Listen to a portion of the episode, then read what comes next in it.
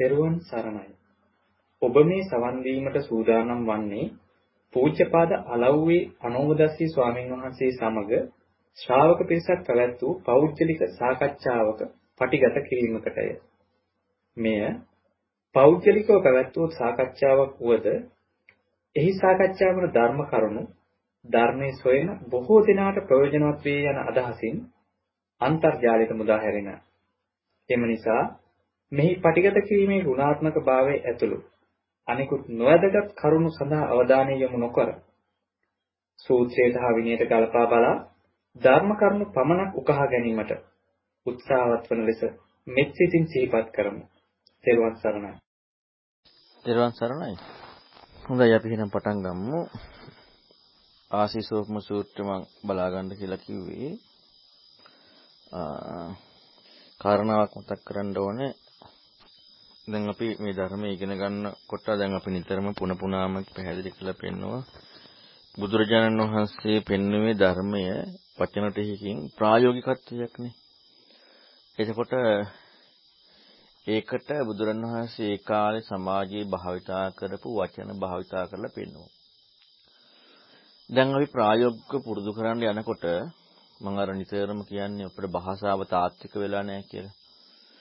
භාෂාව තාත්වික නොවීමත් එක්ක අපි ගොඩාක් වෙලාවට දැන් අපිටම සංස්කාරයක් කියන කාරණාව සකස් වීම කියන නිර්වචනය ඒ අර්ථය නැත්නම් දැන ගැනීම කියන නිර්වචනය අපි ඒක එනකොට මේ ප්‍රායෝගිකත්වයට යමු වෙලා මේ ඕන දැනගත්තා.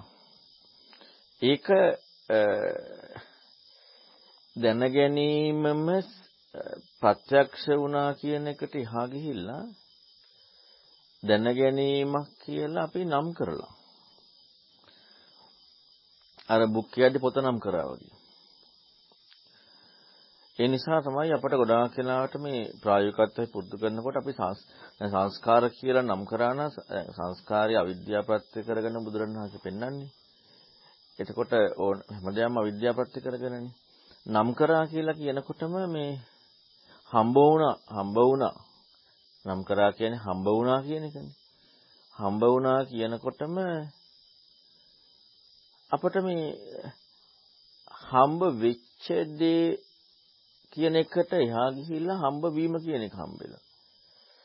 බලන්න ප්‍රායෝගිකත්වයේ කොච්චර අපෙන් ගිලිහිනවද කියලා. අපි හම්බ වෙච්ච දෙයට කියනවා දැනගත්තා කියලා. නැත්නම් සකස් වුණා කියලා.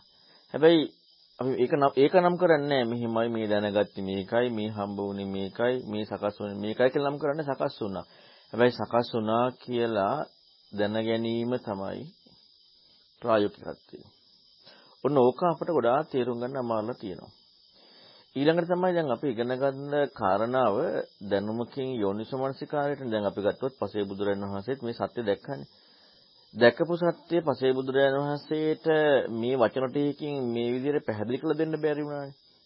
ඒ කියන්නේ ඕනම කෙනෙක් අරහත්ත්වයටපත් වෙන්නේ පසේ බුදුරජාණන් වහන්සේ නමක් හෝ බුදුරජාණන් වහන්සේ නමක් හෝ රහතන් වහන්සේ නමක් නැත්නම් හැම හැම කෙනෙක්ම අරහත්ත්වයටපත් වෙන්න කලින් බුදුරජාණන් වහන්සේ පසේ බුදුරජාණන් වහන්සේත් රහතන් වහන්සේත් සෝතපන්න වෙනවනේ ධම්ම දකින්නවනේ. ඒ දැකපු ධම නම් කරේ බුදුරජාණන් වහන්සේනේ. රහතන් වහන්සේට පුළුවන් බුදුරජාණන් වහන්සේ පෙන්නපු නිසා. ඒ විග්‍රහ දැකපු දහම නම් කරා නෙමෙයි ඇත්තටම දහම දකින්නට ඕන විදිහ නම් කරා. මාර්ගය උපදින්න අවශ්‍ය විදිහ නම් කරා. දැන් ඕක පසේ බුදුරන් වහන්සේට නම් නොකර හම්බ වෙනවනේ. පසේ බුදුරන් වහන්සේට නම් නොකරම හම්බ වෙනවා. එතකොට එහෙනම් අපි හොයාගෙන යනකොට හොඳට හිතලා බැලුවොත් අපි නම් කිරීමකට නේද ගිහින් තියෙන්නේ කියලා. අපි නම් කරන්නේ බුදුරණවහන්සේ පෙන්නපු නිසා. හැබැයි එහෙනම් අත්දැකීම කියන කාරණාව ඊතර වීමක් මිසක් නම් කිරීමක් වෙන්න බෑ. දැන් අපි උදාහරණයකට ගමුකෝ මෙහිම. ඔන්න හිතට තරහක් ඇති වෙනවා. නැත්නම් හිතට රාගයක් ඇති වෙනවා. නැත්නම් මොන හරි දෙයක් ඇති වුණා කියමුකෝ. අපි තරහ හෝ රාගය හෝ සංස්කාරයක් කියලා නම් කරන්න දඟලනවා. අපි මූලිකව කරන්න ඕනේ මම මේ පැහැදිලි කරන්නේ එතනින් එහාට අපි මේ කරන කාරණාවේ තියෙන වැරද්ද එක පෙන්වන්න. ඒ කියන්නේ තව එතනින් එහාට යනකොට අපි නම් කරනවා. එතකොට නම් කිරීම දැනුමෙන් යාවේ. ඒ නම් කිරීම ආවේ දැනුමින්. බාහිර අරමුණකින්. සංස්කාර බව හම්බෙලා නැහැ. සංස්කාර කියන කාරණාව නැත්නම් දැන ගැනීම කියන කාරණාව හම්බුණා නම් එය සංස්කාරයක් කියලා නම් කිරීම නැතුව ඊතර වෙන්න ඕනේ. අවිද්‍යාවෙන්නේ තියෙන්නේ. ඒ දැන ගැනීමක් කියලා නම් කිරීම තුළ ඊතර වෙන්නට ඕනේ. ඊතරන මාර්ගය හම්බෙන්නට ඕනේ. එතකොට අර කතෘ ආදේශ වීම කියන කාරණාව ඉක්මවනවා. එතන අර සිහිය නුවණ යොමු කිරීමක් විතරයි දැනුම යොමු කිරීමක් නෙමෙයි. සිහිය නුවණ යොමු කිරීමක් තමයි තියෙන්නේ දැනුම යොමු කිරීමක් නෙමෙයි. එතකොට එනම් බලන්න මේ නුවණ හදාගන්න නෙමෙයි දැනුම තියෙන්නේ. ඒ නුවණ හදාගන්න. දැනුම ප්‍රායෝගිකත්වයෙන් නම් කරන්නේ නෙමෙයි. ඉතින් මේක පුංචි කාරණා මම මේ කිව්වේ හැබැයි ගැඹුරුයි. හොඳට ඒක හිතන්න මොකද්ද මේ පැහැදිලි කරේ කියන එක. මම මේක පටන් ගන්න කලින් බැලුවා මේ කිව්වේ ඒක. ඊළඟට මම ඊයේ සූත්‍රය කතා කරන්න කලින් පැහැදිලි කරා මේ භාග්‍යතුන් වහන්සේ මේ දේශනාව කරේ දැනුමක් දෙන්න නෙමෙයි සුතඤ්ඤු සුතකෝ විදෝ කියලා භාග්‍යතුන් වහන්සේට පැහැදිලි කරන්නේ නේ මග්ගඤ්ඤු මග්ගකෝ විදෝ මග් කියලානේ පැහැදිලි කරන්නේ. එහෙනම් මග්ග මාර්ගයක් නේ හම්බ වෙන්නට ඕනද? ඒතකොට මාර්ගයක් හම්බෙන්නේ ඉගෙන ගන්න කාරණාවෙන් යෝනිසෝ මනසිකාරී ඉදීමේ මාර්ගය හම්බෙන්නේ. දැනුමෙන් නෙමෙයි. දැනුම තුලින් දැනුම බාහිරයි. දැනුම තුලින් යෝනිසෝ මනසිකාරය උපදින්න ඕනේ. අද ගොඩක් වෙලාවට තියෙන්නේ දැනුම නිරවුල් කියලා Tamanට ආ මේකනේ කියන්නේ කියලා දැනුමයි හම්බ වෙන්නේ මාර්ගය නෙමෙයි. එතන මාර්ගයයි උපදින්නට ඕන නැත්තේ. ඉතින් අපි බලමු මේ ආශිස්සෝප සූත්‍රෙත් අපි කොහොමද මේක බලන්නේ කියලා. කතාව කවුරුත් දන්නවනේ. එතකොට කතාවේ තියෙන්නේ වාග්යතුන් වහන්සේ සවැත් නුවර ජේතවනාරාමයට වාසය කරද්දී භික්ෂුන් නමතලා මෙන්න මේ විදිහට බුදුරණවහන්සේ ඒතකොට භික්ෂූන්ට මේ පැහැදිලි කරන්නේ. සේතා භික්ඛ චත්තාරෝ ආසිවිසා උග්ග තේජා ගෝහර විසා අත පුරිසෝ ආගච්ඡේය ජීවිතු කාමෝ අමරිතු කාමෝ සුඛ කාමෝ දුක්ඛ පටික්කුලෝ තමේනං එවං වදෙය්‍ය ඉමන්තේ අම්බුහ පුරිස චත්තාරෝ ආසිවිස්වා උග්ග තේජා උග්ග තේජා ගොහර විසා කාලේන කාලං උට්ඨහපේතබ්බා කාලේන කාලං නහපේතබ්බා කාලේන කාලං බොහෝජිත බොහෝජිතබ්බා කාලේන කාලං සංවාසේතබ්බා යදාච යදාච කෝතේ අම්බුහ පුරිස ඉමේසං චතුන්නං ආසීසානං උග්ග තේජානං ගොහර විසානං අඤ්‍යතරෝවා අඤ්‍යතරෝවා කුපිස්සති. තතෝතං අම්බෝ පුරිස මරණං වා නිගච්ඡසි මරණ මන්තං වා දුක්ඛං. යන්තේ අම්බෝ පුරිස කරණීයං තං කරෝහිති මහන බුදුරණවහන්සේ මහණෙනි වෙන්න මේ වගේ උදාහරණයක්. හරියට මේ වගේ කියනවා. මේ විෂ සහිත සර්පය දරුණු විෂ සහිත සර්පය. උග්‍ර විසයි දරුණු විසයි මේ සර්පය හතර දෙනෙක් ඉන්නවා. පුරුෂයෙක් ආවට පස්සේ පුරුෂයෙකුට ජීවිතේ ඒ පුරුෂයාගේ ස්වභාවය තමයි ජීවිතේ කැමැති මරණය අකමැති දුක අකමැති දුක පිළිකුල් කරනවා සැප කැමැති පුරුෂයෙක් ඉන්නවා. ඒ පුරුෂයාට මෙන්න එහෙම කියනවා. එම්බා පුරුෂය මෙන්න මේ සර්පයෙක් ඉන්නවා දරුණු විෂ සහිත සර්ප සර්ප හතර දෙනෙක් මෙතන ඉන්නවා මේ සර්ප හතර දෙනා ගොහර විෂ දරුණු විෂ කාලේන කාලං කාලෙන් කලේ කාලයෙන් කාලට නැගිටවිය යුතුයි. නැහැවිය යුතුයි. නාවන්න ඕනේ. ඒ වගේම කවන්න ඕනේ. ඒ වගේම නිදි කරවන්න ඕනේ. ඒ වගේම එම්බා පුරුෂය මේ දරුණු විස සහිත මේ සර්පයෝ එකෙක් හරි මේ එක්තරා එකෙක් හරි කවුරු හරි කිපෙනවා. කිපුණාම ඒ ඒ කිපීම හේතු කරගෙන මරණයට හෝ මරණ මාත දුකකට ඔබ පැමිණෙන්නේ. මෙන් එම්බා පුරුෂය තොප විසින් කලයුත්තක් කරව කියලා ඒ සර්පය ඔන්න දැන් ඒ පුරුෂයාට දෙනවා. එතකොට දැන් පළවෙනි කාරණාවදිම පැහැදිලි වෙනවා ඒ පුරුෂයාගේ ලක්ෂණය හැටියට පුරුෂයා කවුද ජීවිතයේ කැමැති මැරෙන්න අකමැති දුක පිළිකුල් කරන සැප කැමැති පුරුෂයෙක්. එතකොට මේ පුරුෂයාට මේ සර්පය හතර දෙනා දෙනවා විස සහිත. එතකොට මේ සර්පය හතර දෙනා කාලින් කාලට නාවන්න, කවන්න, පොවන්න, නිදි කරවන්න මේවා කරන්න ඕනේ. කිපුණහම මරණ හෝ මරණ මාත දුකකටපත් වෙනවා. ඊළඟට අතකෝසෝ භික්කවේ පුරිසෝ හි විහිතෝ චතුන්නං ආශීසානං උග්ග තේජානං ගොහර විසානං යේන යේනවා තේන පලායේත. දැන් මේ පුරුෂයා මේ බය බය වෙලා මේ මේ ගෝර විස දරුණු විස තියෙන සර්පය හතර දෙනාගෙන් පලා යනවා. පලා යනවා. එතකොට මේ පලා යන පලා යනකොට තමේනම් ඒවන් වද්ද. එතකොට මේ විදිහට කියනවා. ඉමේ ඉමේතේ යම්බහ පුරිස පංච වදකා පංච පංචතිකා පිටිතෝ පිටිතෝ අනුබද්ධිතෝ.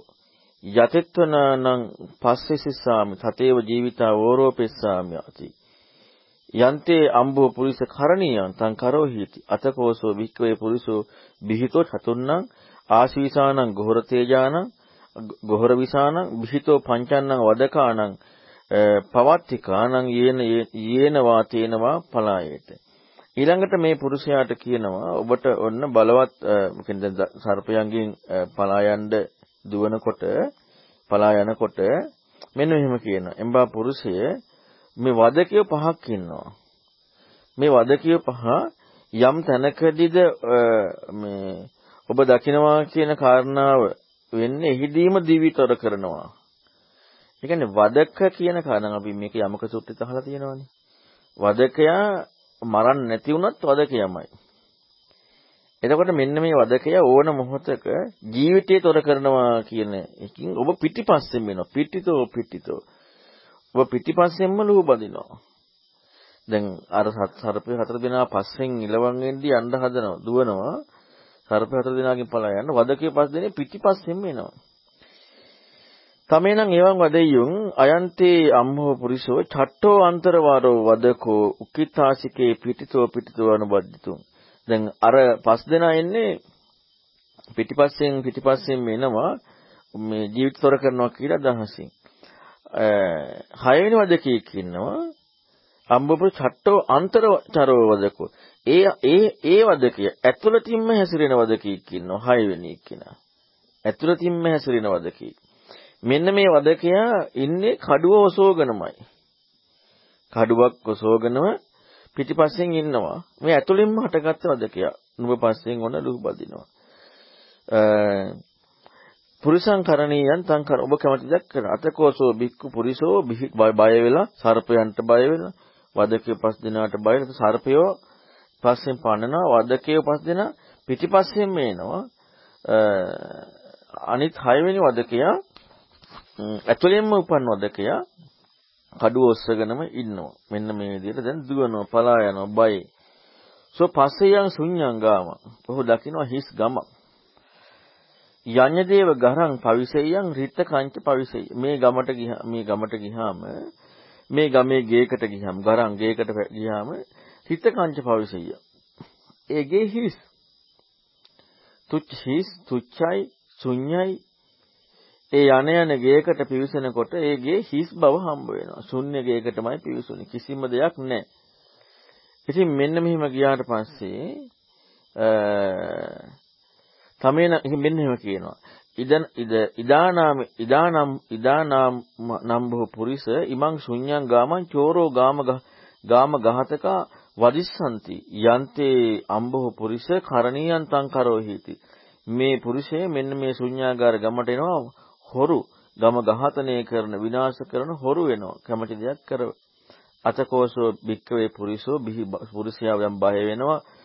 හර්පිය හතර දෙනාට වදකියෝ පස් දෙනාට ඇතුළතින්ම පිටිපස්සින් මෙන වදකියෝ පස් දෙනාට ඇතුළෙන් උපන් වදකයාට.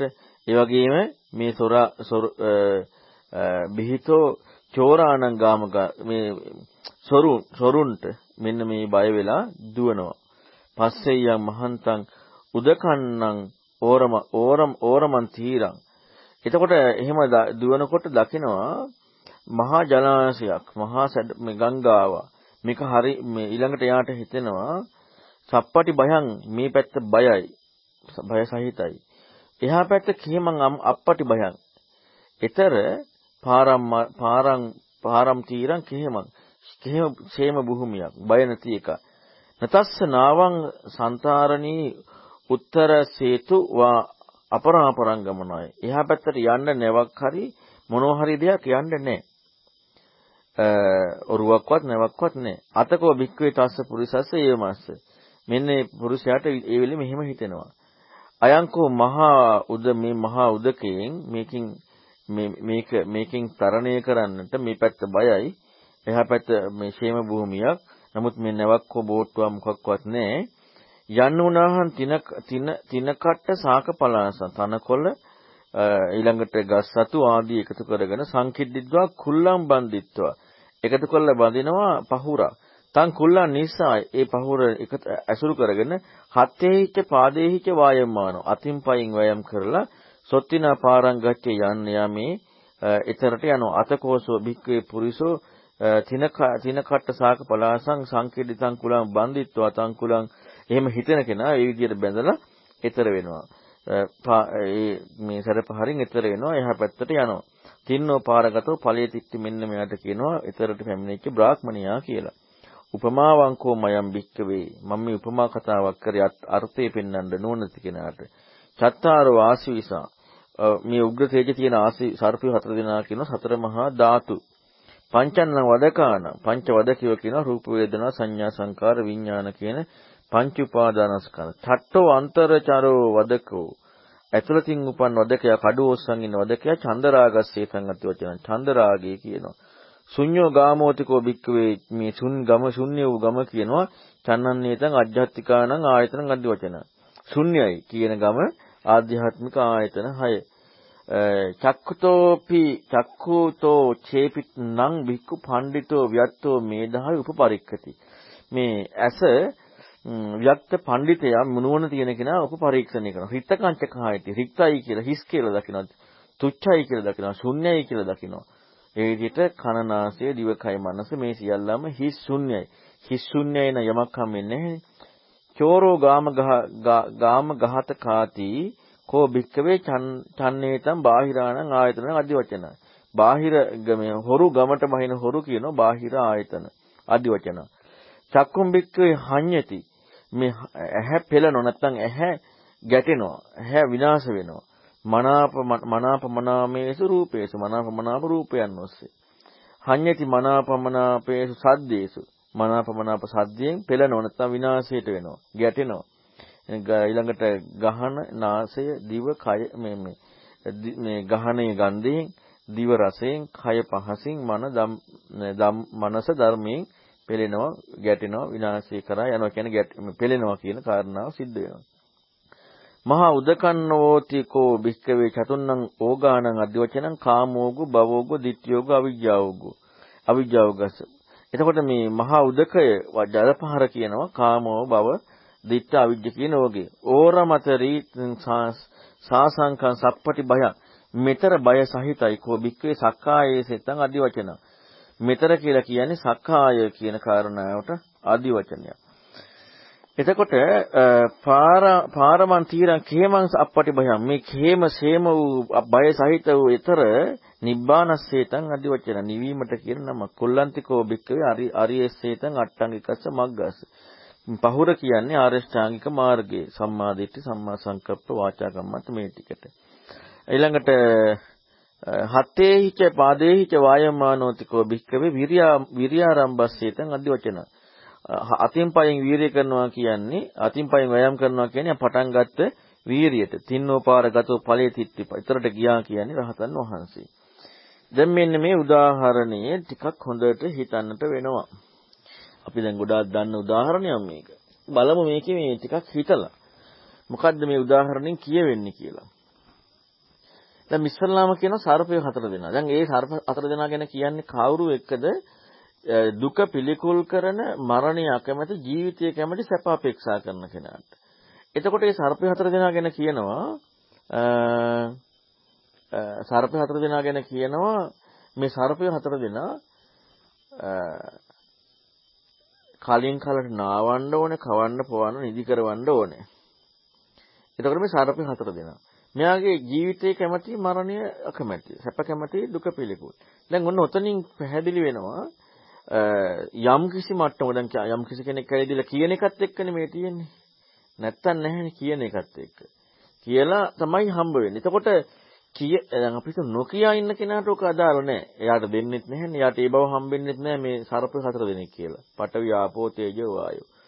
එතකොට මේ ජීවිතයේ ඉස්සල්ලාම ජරා මරණ කියන මේ දුක මෙන්න මේ කාරණාව මේ ලැබිච්ච කය පාදක කරගෙන ජරා මරණ කියන මේ දුක පාදක කරගෙන මෙන්න මේ කාරණාව වැටහීමත් එක්ක තමයි වැටහෙනකොට වැටහෙන්නේ නැති කෙනාට අදාළ නැහැ මේක ප්‍රශ්නයක් කියලා. වැටහෙන කෙනාට මේකෙන් ඈතර වෙන්න ඕනේ කියලා හිතෙනවා.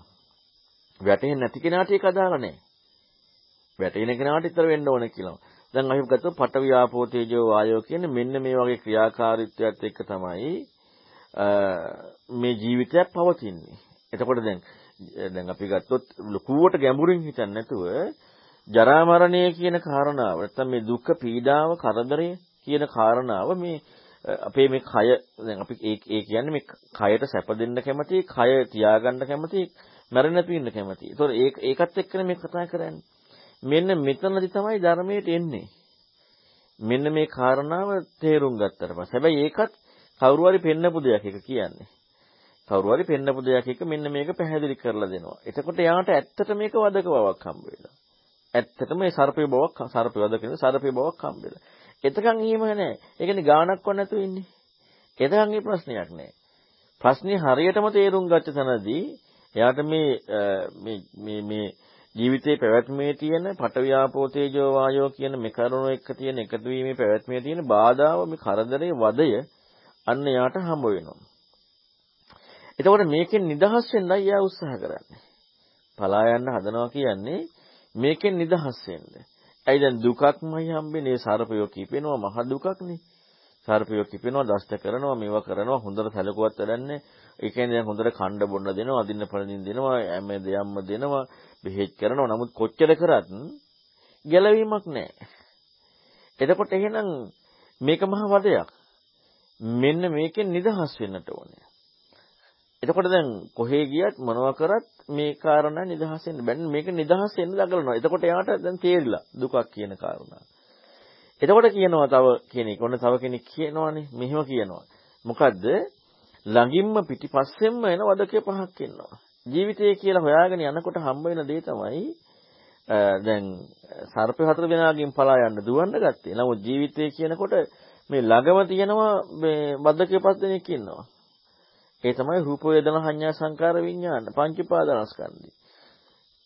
රූපණයේ විදීම හඳුනා ගැනීම දැන ගැනීම සකස් වීම හඳුනා මේ මේ මෙන්න මේ කාරණාව ජීවිතයේ ළඟින්ම ඉන්න වදකියෝ පිටිපස්සෙන්ම ඉන්න වදකියෝ. අතනදී එතකොට ඒ කාරණාවට වඩා දැන් මේ වදක බව ප්‍රකටයි. මේ වදක බව කියන එක. ඔන්න පංච පාදානස්කන්ධය. දැන් මේකයි ප්‍රශ්නේ තියෙන්නේ. ප්‍රධාන ප්‍රශ්නේ දැන් අරවත් තියෙනවා. මොකද දැන් දැන් අපි හිතමු යම් කිසි කෙනෙක් ජීවිතයේ සත්‍ය හොයාගෙන පංචපාස්කන්ධනකොට එයා ලෙඩෙන් ලෙඩ වෙන්නේ මැරෙන්නේ නැති වෙන කාරණා ඉක්මවල නැහැනේ. ඒකත් තියෙනවා. හැබැයි ඒකට වඩා දැන් මේ ළඟින්ම ඉන්නේ. මේ ප්‍රශ්නේ වැඩි. ළඟින්ම ඉන්නේ. එතකොට මේ මේ හඳුනා ගන්න විදින හඳුනා ගැනීම විදීම සකස් වීම රූපණය මෙන්න මේ කාරණා එක්ක පුදුමාකාර විදිහට මේ මහා වදයක් ඒක. මෙන්න මේක හම්බ වෙනවා. ඒක හම්බ වෙලා ඒකත් එක යනකොට ඊට පස්සේ කියනවා නෑ නෑ ඔය ඇතුළෙම ඉන්නවනේ වදකේක කඩුව ඔස්සගෙනම එතකොට එහෙනම් මෙන්න මේ පංචපාස්කන්ධ කියන කාරණාව මේක හොයාගෙන යනකොට ප්‍රධාන ප්‍රශ්නේ බවට පත් වෙනවා ඇතුළෙන්ම ඉන ප්‍රබලම වදකයා අන්න තණ්හාව චන්දරාගී සතුටින් පිළිගැනීම කියන කාරණාව සතුටින් පිළිගැනීම කියන කාරණාව තමයි ප්‍රධානම කාරණා. දැන් එතකොට මේ මේ කාරණා දැන් මේ උපමාව බලනකොට උපමාව බලන්නට ඕනේ මේ සංසිද්ධිය බුදුරණවහන්සේ උපමාවක් දෙන්නේ කතාවක් කටපාඩම් කරගන්න නෙමෙයි යම් කරුණ ටිකක් ඉස්මතු කරලා පෙන්නන්න. දැන් කෙනෙකුට හිතෙන්න පුළුවන් මේ උපමාවේ යා මේක වුණා ඊට පස්සේ මේක වුණා ඊට පස්සේ මේක වුණා කියලා මේ කාලයක් පනව ගන්නවනේ. එච්චරටම මෝඩයිනේ ධර්මයේ ගන්න ගියාම. එච්චරටම මෝඩයි. ඉතින් මෙතන මේ උදාහරණ කියන්න බෑනේ මේ උපමාවන්නේ මේ කියන්නේ. එතකොට මේ දැන් දැන් එන්න දැන් ඔන්න එයාගේ ජීවිතය යා හොයන්නේ දැන් මේ අර සතර මහා ධාතු නැත්නම් මේ ජීවිතයේ සැබෑ ප්‍රශ්නේ නිදහස් වෙන්න හොයාගෙන යනකොට ඊට වඩා ප්‍රශ්නයක් හම්බුණා මේ ළඟම ඉන්න හතුරු පිටිපස්සෙම ඉන්න හතුරු පස් දෙනා ඊට පස්සේ බලනකොට මේ චන්දරාගයෙන් ප්‍රබල වෙලා තියෙන්නේ. ඔන්න ඒක හම්බුණා. හැබැයි දැන් මේ මේක හම්බුණාම දැන් මේ හිස් ගෙවල් හම්බ වෙනවා. හිස් ගෙවල්. ඇයි දැන් හිස් ගෙවල් කියන්නේ? අර්ථයක් නැහැ. හිස්. ගෙවල් හිස් ආයතන. ආයතන. එතකොට අන්නේ හිස් ගෙවල් නුවණින් දකිනවා. පඬිතයා නුවණින් දකිනකොට පඬිතයාට හම්බ වෙනවා මේ ගෙවල් හිස් කියලා. හිස් කියනකොට හිස් බවක් හම්බෙන්නේ නැහනේ. හිස් කියනකොට හිස් බවක් හම්බෙන්නේ නැහැ. හැබැයි හිස් කියන්නේ ඇහැ විතරක් නෙමෙයි. ඇස කරනාසය දිවකය මන කියන හයම හිස්. දැන් මේ මොකක් හොයාගෙන යද්දිද මේ වෙන්නේ? හිස් කියන කාරණාව හම්බ වෙන්නේ මොකක් හොයාගෙන යද්දිද? හොයා මේ ආයතන හිස් කියන කාරණාව හම්බ වෙන්නේ. හොයාගෙන යනවා මේ ජීවිතේ තමන්ගේ ජීවිතේ මේ අත්දැකීම කියන එක මේක මේ චන්දරාගයෙන් කියන කාරණාව ඊළඟට අන්න බලන්න එතකොට අර සක්කාය පංචපාස්කන්ධය ගැන හොයනකොට සිදුවෙන කාරණා ඒක ගැන හොයන්න තියෙන්නේ. හොයනකොට හිස් බව හම්බ වෙන්නේ. මොකෙන්ද හිස් වෙන්නේ ඉතින්? ඇස කරනාසේ දිව කය මනස හිස් වෙන්නේ අත්තේනවත්තනියන් වා කියන එකනේ ශුන්‍යයි කියලා හම්බ වෙනවා. හිස් කියලා හම්බ වෙනවා. එතකොට මම් පහරන හොරු මම් පහරන හොරු ඒ කියන්නේ මේ ගෙවල් බිදින හොරු ටික. එතකොට ඒ හොරු ඒ හොරුන්ගෙන් තමයි මේ ඇහ ඇහ රූප කියන හොරාගෙන් තමයි මේ ඇහ ඇහ ඇහ කියන තේ විනාශ වෙලා තියෙන්නේ. සද්ද කියන හොරාගෙන් තමයි කන කියන එක විනාශ වෙලා තියෙන්නේ. එතකොට මෙව ඇත්තක් නෙමෙයිනේ මහ මහ. දැන් බලන්න මේ උදාහරණ ටිකෙම කියවෙලා ඉවරයි මේ. දැන් අපි නම් පංචපාස්ක දකින්න අයියෝ ෂෝක් නියමෙට පංචපාස්කන්ධයේ උදේවයි දකින්න කොහෙද වදකෝ වෙලා තියෙන්නේ? ෂෝක් එකට උදේවයි දකින්න ප්‍රීතියක් එක්ක උදේවයි දකිමින් ඉන්නවා. ආ නියමයි පංචපාස්කන්ධය. ආ මේ ආයතන ෂෝක් මෙන්න ආයතන වල ක්‍රියාකාරීත්වය. කොහෙද පලා යන්න හදන්නේ? කොහෙද හොරු හොරු ගන්නවා කියලා හිතන්නේ මනස? අරමුණු වලින් මැඩගෙන ඉන්නවා කියන්නේ ෂෝක් නේ ටික. හොඳට ෂෝක් එකට ඉන්නවා දැකගද ආ මේ හිස්නේ මේක මේක හිස්නේ කී කියද්ද දැක දැක ඉන්නවා. හිස් බවක් හම්බුනා නම් පලානේ. ඒකෙන් අයින් නෙවෙන්නේ ඊතර නෙවෙන්නේ. දැන් මොනවද ඊතර වෙන්න ඊතර වෙන ස්තරියමනේ කියලා තියෙන්නේ. පංචපාස්කන්ධේ මේකයි ආ දැක්කට පස්සේ ඊතර වෙනවා. දැක්කට පස්සේ ඊතර වෙනකොට දැකිනකන් හරියන්නේ ෂෝක් නෙමෙයි පංචපාස්කන්ධේ මෙහෙමනේ තියෙන්නේ. ඔන්න ඔය කෝණෙනේ තියෙන්නේ. නමුත් මේ උදාහරණයෙන් පෙන්වලා තියෙන්නේ මොකද පලා යන්නේ. පැත්ත පලාතකට ඉන්නේ නැහැ. එච්චර වද වදක වදකයෝ. අර භයානක හොරු ඊළඟට හිස් ගෙවල්. මෙන්න මේක එක යනකොට දැන් මේක කාලපරාසයක් එහෙම නෑ. ඊළඟට මෙතර කියන සක්කාය. දැන් ඇයි සක්කාය විතරක් කිව්වේ? දැන් ආයතන තියෙනවා ඊළඟට අර ධාතු තියෙනවා මේ ඔක්කොම තියෙනවා. නමුත් ජීවිතය කියලා හම්බෙනකොට සැබෑවටම මොන මොන දේ හොයාගෙන ගියා සක්කායනේ. මෙතර කියන්නේ සක්කාය. එතකොට එහෙනම් අත්දැකීමනේ මෙතර කියන්නේ. ලෝකය කියන්නේ අත්දැකීමනේ. සක්කාය කියනකොට අත්දැකීම. වෙන එකක් නෙමෙයි. අන්න සක්කාය අධ්‍යක්ීමේ හැටියට හම්බ වෙනවා. ඊළඟට මේ තියෙනවා අර දැන් මේ මේ භයානක වූ භයානක දෙයක් නෙමෙයි. මේ හිස්සු තුච්ච වූ අනවශ්‍ය පුදුමාකාර බය තියෙන දෙයක්. ඒතර හැබැයි සුන්දරයි.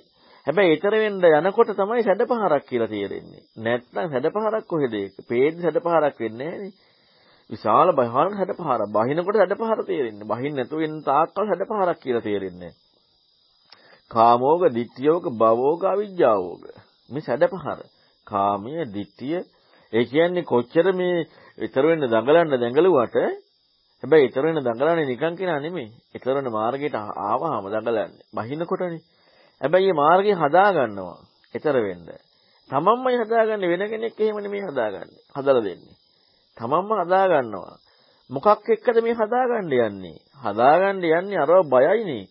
අර මේ පංචපාස්කන්ධ චන්දරාගේ හිස් ගෙවල් හොරු සර්පය මෙන්න මේ බය නිසා මෙන්න මේ කාරණාව මේ මේකෙන් පලා යන්න. දැන් අපි පලා යන්න හදන්නේ සංස්කාරේ ෂෝක් නියමයි මේ සංස්කාරයෙන් හම්බෙච්ච දෙන්නේ පලාගෙන යන්න යන්න පලා යන්න හදන්නේ. දැනගත්ත දෙයින්නේ පලා යන්න හදන දැන ගැනීම නම් ෂෝක්. ආ මෙන්න මේක මායාවක් කියලා ඒක තුළ ඉන්නනේ කැමති පලා යන්නේ නැහැනේ. දැන් මේකෙන් පලා යන්න මේකෙන් ඈතර වෙන්න මොන්න හදා ගන්නවා පහුරක් තමන්ම හදා ගන්නවා.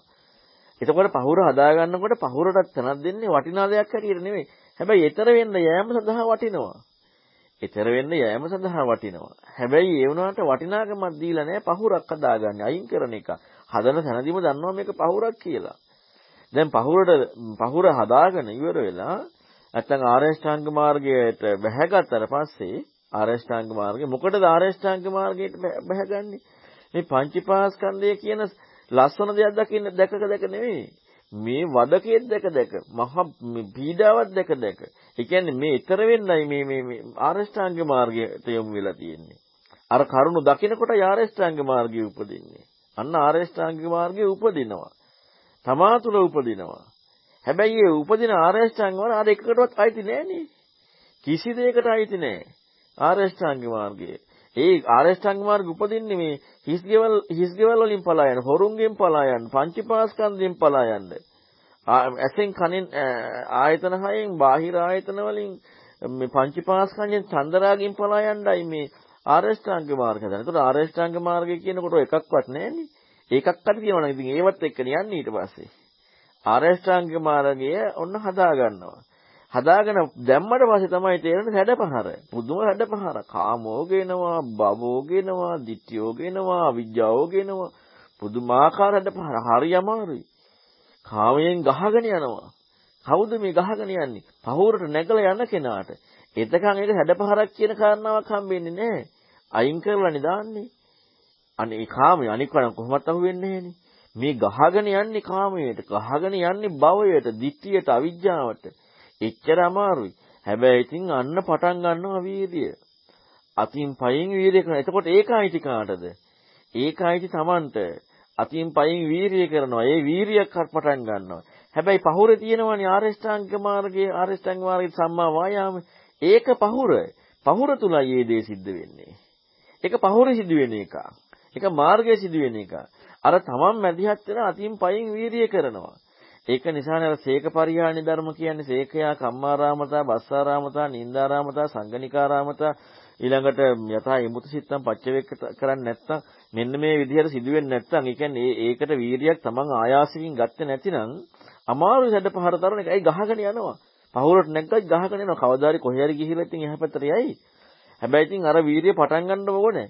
ඒ වීරිය තමන් පටන් ගන්නකොට අර මාර්ගයේ තියෙනවා හැබැයි සම්මාදිට සංකප්ප වාචා ආජීව කම්මන්ත වායම හරි සමාධි කියලා වීරිය. ඒ වීරිය වෙනම තියෙනවා. ඒ පහුර අන්න එතරට යනකොට අර පහුර අතහැරලා යනවා. ඉතින් බලන්න මේකේ ලස්සන පරියායක් තියෙනවා. මේ මේ විග්‍රහය මේ පැහැදිලි කරපු. ඉතින් එතර කියනකොට නිවීම. ඉතින් එහෙනම් ඒ නිවීම කියනකොට දැන් ඔන්න අර පංචපාස්කන්ධත් අදාළ නැහැ. එතර වුණානේ. ඇයි ඊ වගේ පලානි ගියේ? සක්කායේද ආයතනද ඡන්දයද අඩුම තරමි පහුරද කිසිම දෙයක් අදාළත්වයක් නැහැ. එතකොට මම කියන කාරණාව හම්බ වෙන්නේ අරවත් එක්කනේ. ඉතින් එහෙනම් ඒ ඔක්කොම ටික ඉක්මනට ඇත්තට මම නෙමෙයිනේ හරියට දකිනකොට කොහෙද කොහෙද තමා වෙන්නේ? තමා කියලා පිහිටීමක් හම්බෙන්නේ නැහැනේ. පිහිටුවොත් එහෙම මොකද්ද වෙලා තියෙන්නේ? පිහිටියොත් එහෙම තමා කියලා සම්පූර්ණයෙන්ම තමා විනාශයක් තියෙන්නේ. අර වදකිය පස් දෙනා නතර වුණොත් එහෙම වදකිය පස් දෙනා ළඟ ඉඳලා පිහිටීමක් වුණොත් එහෙම මොකද වෙලා තියෙන්නේ? තමා විනාශ විනාශයක් වෙන්නේ. තමා වෙන්නේ නැහැ ඒක. ආයතන ටික තමා වෙන්නේ නැහැ. තමා වෙන්නෙම හිටියොත් නේ. හම්බ වුණොත් නේ. අල්ලගත්තොත් නේ. හොඳයි නන්නේ තමා වෙන්නේ. පිහිටියා. හැබැයි මේ වදකිය නිසා එපලා යන්නේ. අය ඒකක්වත් නෑ. ඊතර වුණා, නිවුණා. හරි සුන්දරයි. බලන්න මේ කාරණාවේ පුදුම සුන්දර විදිහට මුල ඉඳලා නිවීම දක්වාම ප්‍රතිපදාව පැහැදිලි කරනවා. හොඳයි එහෙනම් දැන් ඒ කාරණා ටිකකින් ප්‍රශ්න අහන්න පුළුවන්. ත්වන් සරණයි. ස්වාමීන් වහන්සේ මේ අනිත් එක මට මේක මේ සූත්‍රය අහද්දී මෙහෙම දෙයක් හිතුණා. දැන් මෙතන මේ කියද්දි මේ අර බුදුහාමුදුරුවෝ පරයය හතරමත් කතා කරලා තියෙනවද වගේ දෙයක් හිතෙනවා මට. මොකද පළවෙනියෙන් කියනවා සතර මහා ධාතු ගැන පැත්ත කතා කරනවා. ඊට පස්සේ කතා කරනවා පංච උපාදානස්කන්ධ ගැන. ඊට පස්සේ කතා කරනවා වදකේ පංච උපාදානස්කන්ධ පහට ඒ උදාහරණ දෙලා තියෙන වදකේ පහයි. තව තමන් තුළම වදකේ කියලා එතන චන්දරාගයෙන් කතා කරන්නේ. එතකොට එතන නිකන් පටිච්ච සමුප්පාදේ පැත්ත වගේ ඒ ප්‍රත්‍ය සම්බන්ධයක් වගේ අන්තිමේට යද්දී ආයතන පැත්ත කතා කරනවා. එතකොට මට හිතෙනවා මෙතන පරයයන් හතරමත් කියලා තියනවාද කියලා වගේ අදහසකුත් තේරුම් ගන්න. තෙරුවන් සරණයි. හැබැයි මෙතන ඉතින් අර පළවෙනි එකේම පැහැදිලි කරලා තියෙනවා අර මේ මේ මොකද ධාතු තමයි කියන්නේ. නමුත් ඒ වුණාට එතන අර ජීවිතය අකමැති ඒ කාරණා විශේෂයෙන් පැහැදිලි කරලා තියෙනවා අර අවබෝධයට කියන්නේ මූලිකව කියන කාරණා විස්මතු වෙලා තියෙනවා එතන. මේ මොකද ජීවිතය කැමැති ජීවිතය කැමැති මරණය කැමැති දුක පිළිකුල් කරන සැප කැමැති කියන කාරණාව. එතකොට එතනින් පටන් ගන්නවා කියන කාරණාව එතන මේ කියපු කරුණු ඔක්කොගෙම ඉස්මතු වෙනවා. ඊළඟට චන්දරාගය කියනකොට එතන කොහොමද චන්දරාගය හේතුව හැටියට පංචපාස්කන්ධ හේතුවට චන්දරාගය තමයි. නමුත් අර හේතු හොයන එක හරි හේතුව හැවීම කියන කාරණාව නමුත් අර දැන් මෙතන මේ පටිසමුප්පාදය කියලා කියනකොට පටිසමුප්පාදය කියන එක ඊතරවන මාර්ගයක් මිසක් ඊතරවන මාර්ගය මිසක් හම්බ වෙන්න දෙය නෙමෙයිනේ පලා යනවා කියන කාරණාව අදාළ වෙන්නේ නැහැ. ඊතරවන මාර්ගය කියන එකටයි පටිසමුප්පාද දර්ශනය කියන්නේ. එතකොට විමසීම කියන කාරණාව විමසන්න ගන්නකොට පටිසමුපාද විමසන්න ගන්න නෑනේ. විමසන්න ගන්න තියෙන්නේ හම්බෙච්ච දෙයක්. පටිසමුපාදයේ හම්බුනොත් ඊතර වීමක් හම්බෙන්නේ. ඉතින් ඒ නිසා අර පටිසමුපාදයෙන් පලා යනවා කියන ඒ ඒ කාරණාව එහෙම ගන්න අමාරුයි. මේ පටිසමුපාදය දකිනකොට එක මාර්ගයත් එක්කමයි කතා වෙන්නේ. මේ විමසන්න හරි විමසන්න ඕනේ. හැබැයි විමසන්නේ අපි පටිසමුපාද හැටියට අපට හම්බෙච්ච දෙයක් ඔස්සේ.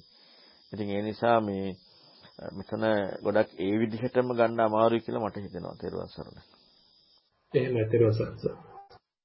තේරුවන් සරණයි ස්වාමීන් වහන්සේ දැන් මට අහනකොට ඉතින් දැන් අර ඇත්තට මුලින්ම හොයන්නේ අර ඒක අර ඒ වගේ අර සාර්පේ වතර දෙනාගේ බය දැකලා අර යම කෙනෙක් කියනකොට මේකත් එහෙම මේ හොයන්න පටන් ගන්න මේ ඒ කියන්නේ සත්‍යෙම යර හොයන බවත් එතනින් වැටහෙනවා. අනික එතකොට ඒ ටික ඔක්කොම බාහිරින්නේ අර මේ පංච උපාදානස්කන්ධේ වදකියෝයි හක්කයෝයි මේ ඊට පස්සේ අර නන්දි රාගය කියනකොට මේ එතන ඒක අර ඇතුළතින් වෙනවද කියනකොට අර එතන පොඩ්ඩක් සක්කාය කියන එකයි. ඊට පස්සේ ඒක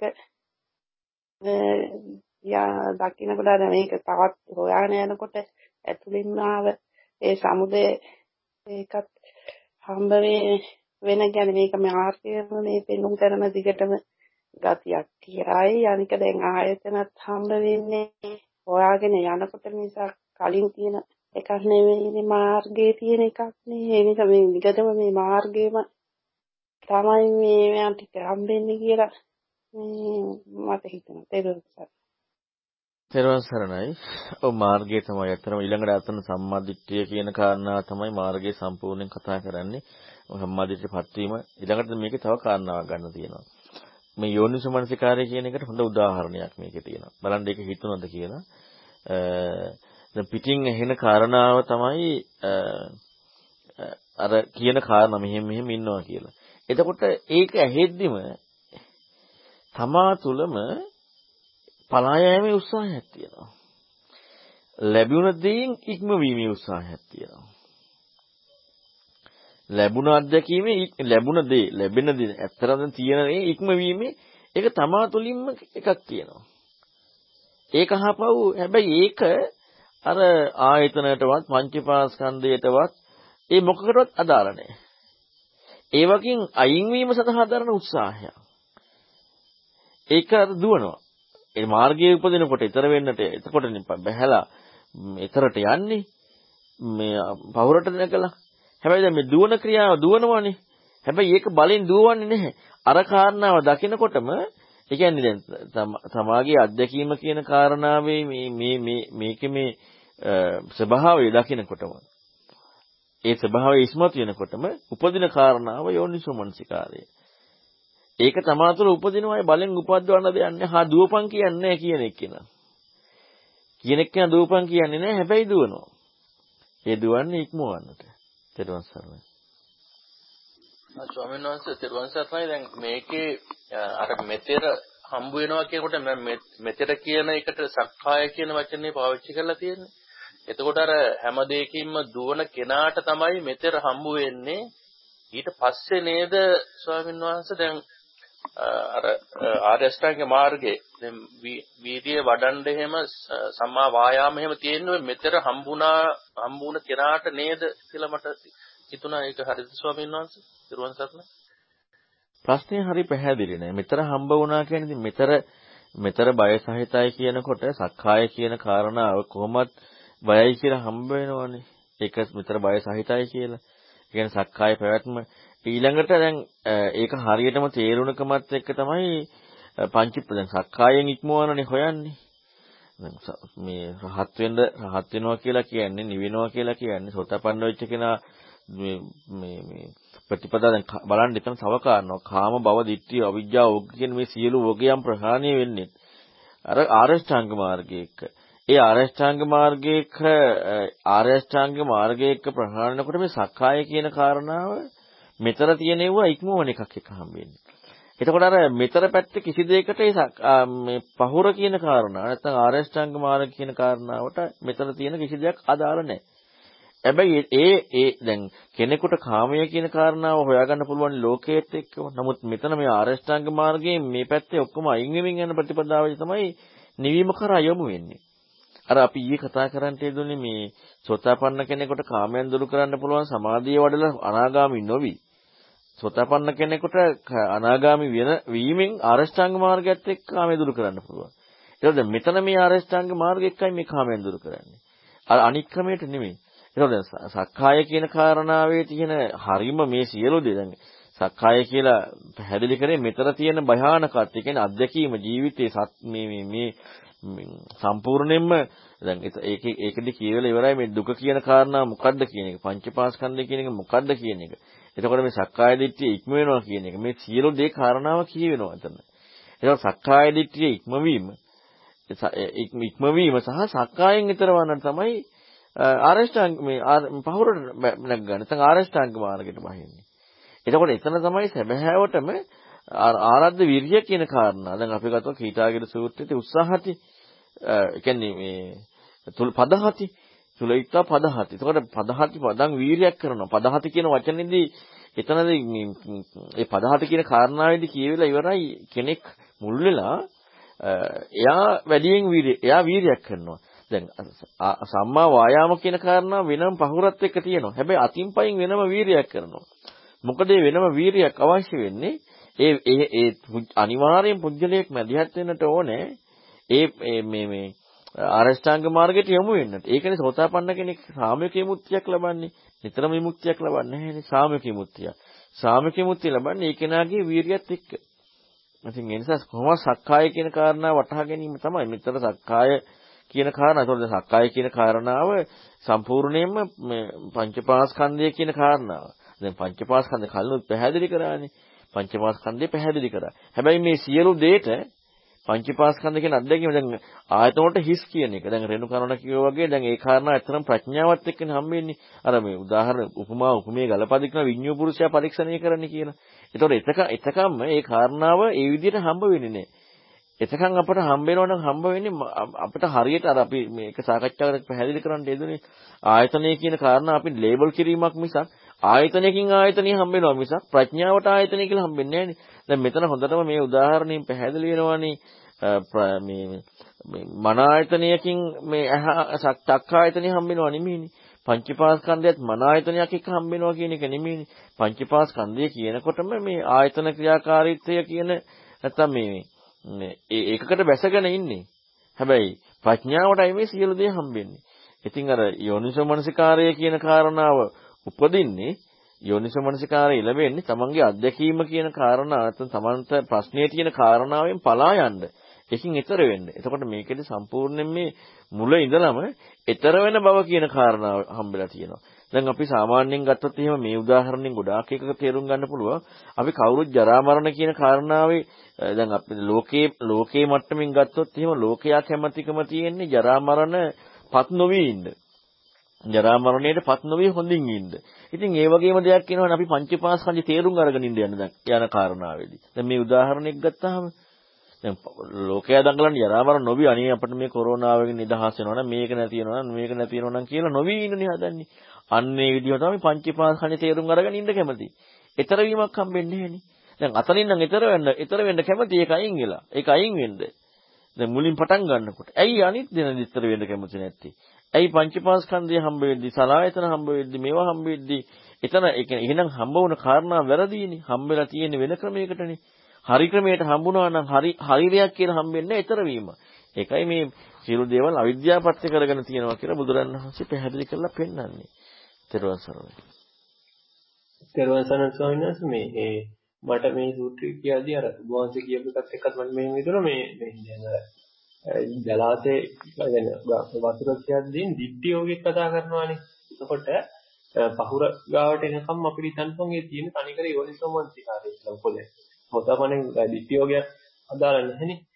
ඊට වගේම ස්වාමීන් වහන්සේ එතන අර දැන් ඒ ඔහුට මෙසේ කියන්නා කියලා කියන හැමතැනම දැන් මෙහෙම කට්ටියක් එනවා පුළුවන් දෙයක් කරන්න කියලා. එතකොට අර එතන පිහිටන්න ඉඩ දෙන්නේ නැති වෙනවනේ. ඒ අර කියන්නේ නැත්නම් ඒක පිහිටනවනේ අනිවාර්යෙන්. දැන් ඒක ඉස්මතු කරලා දීම තුල ඔහුට පුළුවන් දෙයක් කරන්න බැරි කියලා කියන්නේ. ඒකට ඒක තනිකර මට හිතෙන සෝදාපන්න මාර්ගයට වගේ අදාළ කියලා දැන් එහෙම කරන්දිය කෙනාට තමයි මේ මේ කාලෙකින් කියනවා නෙමෙයි මම කියන්නේ මේ කියන්නේ ඊට පස්සේ එකක් කියන්නේ නෙමෙයි එතකොට එහෙම කරන් ගිය කෙනාට තමයි අර පහුර හදාගන්න තැනට යන්නේ. එතකොට නැත්නම් දික්ඛයෝගය කියන එකත් අහු වෙන හින්දා අපිට හිතන්න වෙන්නේ එහෙම කියලා මට හිතෙනවා. ඊළඟට ඔව් අනිවාර්යෙන් පහුර ක්‍රිස්තනක බුදුරණවහන්සේ මාර්ගයට බැසගත්තා ආර්ය ශ්‍රාවක ආර්ය ශ්‍රාවක කියනකොට අටවර්ෂ පුද්ගලයා කියනකොට සෝතාපන්න මාර්ගය කියන කතා කරනවා. නමුත් මාර්ගයට බැසගත්තා කියන කාරණාවට මේ ඒ කෙනා කතා කරන්නේ එතන කතා කරන්නේ සම්මත්ත නියාමයට බැසගත්තා කියන එකනේ. ආරෂ්ඨාංග මාර්ගයට බැසගත්තා කියනකොටම කතා කරන්නේ සෝතපන්න වුණා කියන එක. දැන් සම්මත්ත නියාමය කියන නිවැරදි නිවැරදි ක්‍රමේ. දැන් බලන්නකො නිවැරදි ක්‍රමේනේ කරන්නේ අර වදකෝනි සදුගුණ දුවන් එනවනේ. නිවැරදිම ක්‍රමේනේ කරන්නේ. නැත්තම් වද කියලා ඊට මැරෙනවනේ කොහොමද? විනාශ වෙනවා. ඊට මැරෙනවා විනාශ වෙනවා කියන්නේ මේ හසරට අහු වුණා කියන එක. අතර ආරෂ්ඨාංග මාර්ගයට බැසගත්තා. නැත්තම් පහුරට හදලා පහුරට නැග්ගා. පහුරට බැසගත්තා. අන්න ඒක තමයි සෝතපන්න වුණා කියන්නේ. කිසි තැනක බුදුරණවහන්සේ පැහැදිලි කරන්නේ නැහැ මගට බැසගත්තා කියලා මාර්ගයට බැසගත්තා කියලා සෝතපන්න නොවිච්ච කෙනෙකුට. ඉතින් ඒ නිසා ඒක තමයි එතන පැහැදිලි කරලා පෙන්වන්නේ. එතකොට තමයි මේ සියලුම මේ දේවල් ඉක්මවන ප්‍රතිපදාවක් හම්බ වෙන්නේ. ඊට සරණයි. තේරුම් ගන්න එතන දැන් ඒ පැහැදිලි කරපු පැහැදිලි කිරීමත් එක්ක මේ දිට්ඨි යෝගය අපිට තේරුම් ගන්න වෙන්නේ සක්කාය දිට්ඨිය කියන තැනින්ද එතකොට සෝතාපන්න කෙනාට ඒ යෝගය තරණය කරා කියන තැනින් ගන්න පුළුවන්? සන්නස දිට්ඨි යෝගය කියන කාරණාව මෙහෙම එකක් තියෙනවා. දිට්ඨි යෝගය කියනකොට ඇත්තටම දැන් සක්කාය දිට්ඨිය කියන කාරණාවම ඒකාන්ත කරලම ගන්න ඕනේ නැහැ. මොකද හේතුව සම්මා දිට්ඨිය දිට්ඨියක්නේ. ඒකත් දිට්ඨියක්. ඉතින් ඒ නිසා දැන් ආශ්‍රව හැටියට බුදුරණවහන්සේ කතා කරන්නේ කිසි තැනක. නමුත් මේ යෝග හැටියට කතා කරන්නේ එතකොට මේ ඒකාන්ත කරලම අපිට ඒක කියන්න අමාරුයි. මොකද සම්මාදිට්ඨිය දිට්ඨියක් නේ කියන්නේ මොකකට හරි නිවැරදි නිවැරදි දැක්මකට හරි දැක්මකට හරි අහු වෙලා ඉන්නවා. හැබැයි දිට්ඨි උපාදානීය කියන කාරණාව දෘෂ්ටියකට උපාදානයි කියන එකත් දිට්ඨි යෝගය කියන එකත් මේක අපි වෙන්වෙන් වශයෙන් බලන්නට ඕනේ. දිට්ඨි යෝගය සහ දිට්ඨි උපාදානයි. ඉතින් මේක ඒකාන්ත කරලම කියන්න අමාරුයි මේ කාරණාව සම්බන්ධයෙන්. මොකද මේ Ah, දැන් එකකින් දැන් එකකින් එකක් අයින් වෙනවා කියලා කියන්නේ නැහැනේ. ඉතින් ඒ නිසා මෙතන සක්කාය දිට්ඨිය ප්‍රහාණය වීමමද නැතිවීමමද නැත්නම් වෙන හේකුත් තියනවද කියන එක කියන්න අමාරුයි. හැබැයි ඉතින් සම්මා දිට්ඨියක් දිට්ඨියක් තමයි. ඒකත් දැක්ම. ඒ කියන්නේ දැන් ආරෂ්ඨාංග මාර්ගයෙන් ඈතර වුණාට පස්සේ ඈතර වීමත් එක්ක උපාදානෙ නෑ හැබැයි. දිට්ඨි උපාදාන කතා කරන්නේ නැහැනේ. මේ ඈතර වුණාට පස්සේ මග මාර්ගෙනුත් ඈතර වුණානේ. සම්මා දිට්ඨියෙන් යුක්ත කතන්දරයක් එකක් නැහැනේ. ඈතර වුණා. එතකොට එහෙනම් ඒ කිසිම කියන්නේ දැකීම කියන කාරණාවක් කියන එක කිසි විදියකින් අදාළ වෙන්නේ නැහැ. ඊතර වුණා කියනකොට. තෙරුවන් සරණයි. තෙරුවන් සරණයි අර මේ සද්ද මාම් පහරන හොරුන් හිස් ගෙවල් හය මේ හොරුන්ගෙන් හිස් වෙනවා කියන එක සානස ඒ කියන්නේ ආයතන හය මේ රූප රූප ශබ්ද ගන්ධ රස අරමුණු වලින් හිස් වෙනවා කියන එක ඒක සානස තව පොඩ්ඩක් පැහැදිලි කරලා දෙන්න පුළුවන්ද ඒ එතනින් මොකක්ද අදහස් කරන්නේ කියලා ඊට ඒ කියන්නේ ඇහැ කන නාසය දිවකය මනස විනාශ වෙන්නේ හොරුන්ගේ. ඒ කියන්නේ රූප ශබ්ද ගන්ධ රස පහසෙන්. ඒ කියන්නේ දැන් අපි හිතමුකෝ ඇත්තරම ගත්තොත් එහෙම ඇහැ කියන්නේ හිස්. ඒ කියන්නේ අත් වෙනවා අත නියන්නවා හිස් ශුන්‍යයි. ඒක හොයාගන්නකොට ඒක හම්බ වෙනවා. හැබැයි ඇහැ කියන කාරණාව දැන් අපි ගත්තොත් මජ්ජේ සූත්‍රයේ ආධ්‍යාත්මික ආයතන ඒකාන්තයක් බාහිර ආයතන තව අන්තයක්. අන්ත දෙකක්නේ. මැද තමයි විඥානය. එතකොට දැන් එතන මේ අන්ත දෙකක් කියන කාරණාව පැහැදිලි කරන්නෙම දැන් හිස් කියලා හම්බුනහම හිස් කියනකොට හිස්සු දෙයක් හම්බෙන්නේ නැහැ හිස් කියනකොට හිස්සු දෙයක් හම්බෙන්නේ හැබැයි දැන් උපමාව උපමේය ගලපන්නේ ඇහැ මැඩගෙන ඉන්නවා රූපේ. දැන් ඕක ඕක පැහැදිලි කරනවා මම හිතන්නේ යව කලාපි සූත්‍රයේ. එතකොට එහෙනම් ඒක මැඩගෙන ඉන්නවා රූපය. එතකොට එහෙනම් අර ඒ කියන්නේ ඇහැ විනාශ වෙනවා කියන එක. ඒ කියන්නේ ඇත්තරම හිස් බව දකිනකොට ඇහැ කියන කාරණාව හිස්සු හැක් තියනවා කියන එක නෙමෙයි. හිස්සු මනසක් තියනවා කියන එක නෙමෙයි. එතකොට එන මනස කියන කාරණාව තියෙනවනේ. මනස කියන කාරණාව තියෙනවා හිස්සු මනස. එහෙනම් අර අරමුණෙන්තරව මනසක් තියෙනවා කියන කාරණාවට යනවා. උපමේය බුදුරණවහන්සේ ගලපන්නේම නුවණ තියෙන කෙනා පරීක්ෂා කරනකොට එයාට හිස් බවක් හම්බ වෙනවා කියලා. ආයතනය පිළිබඳව.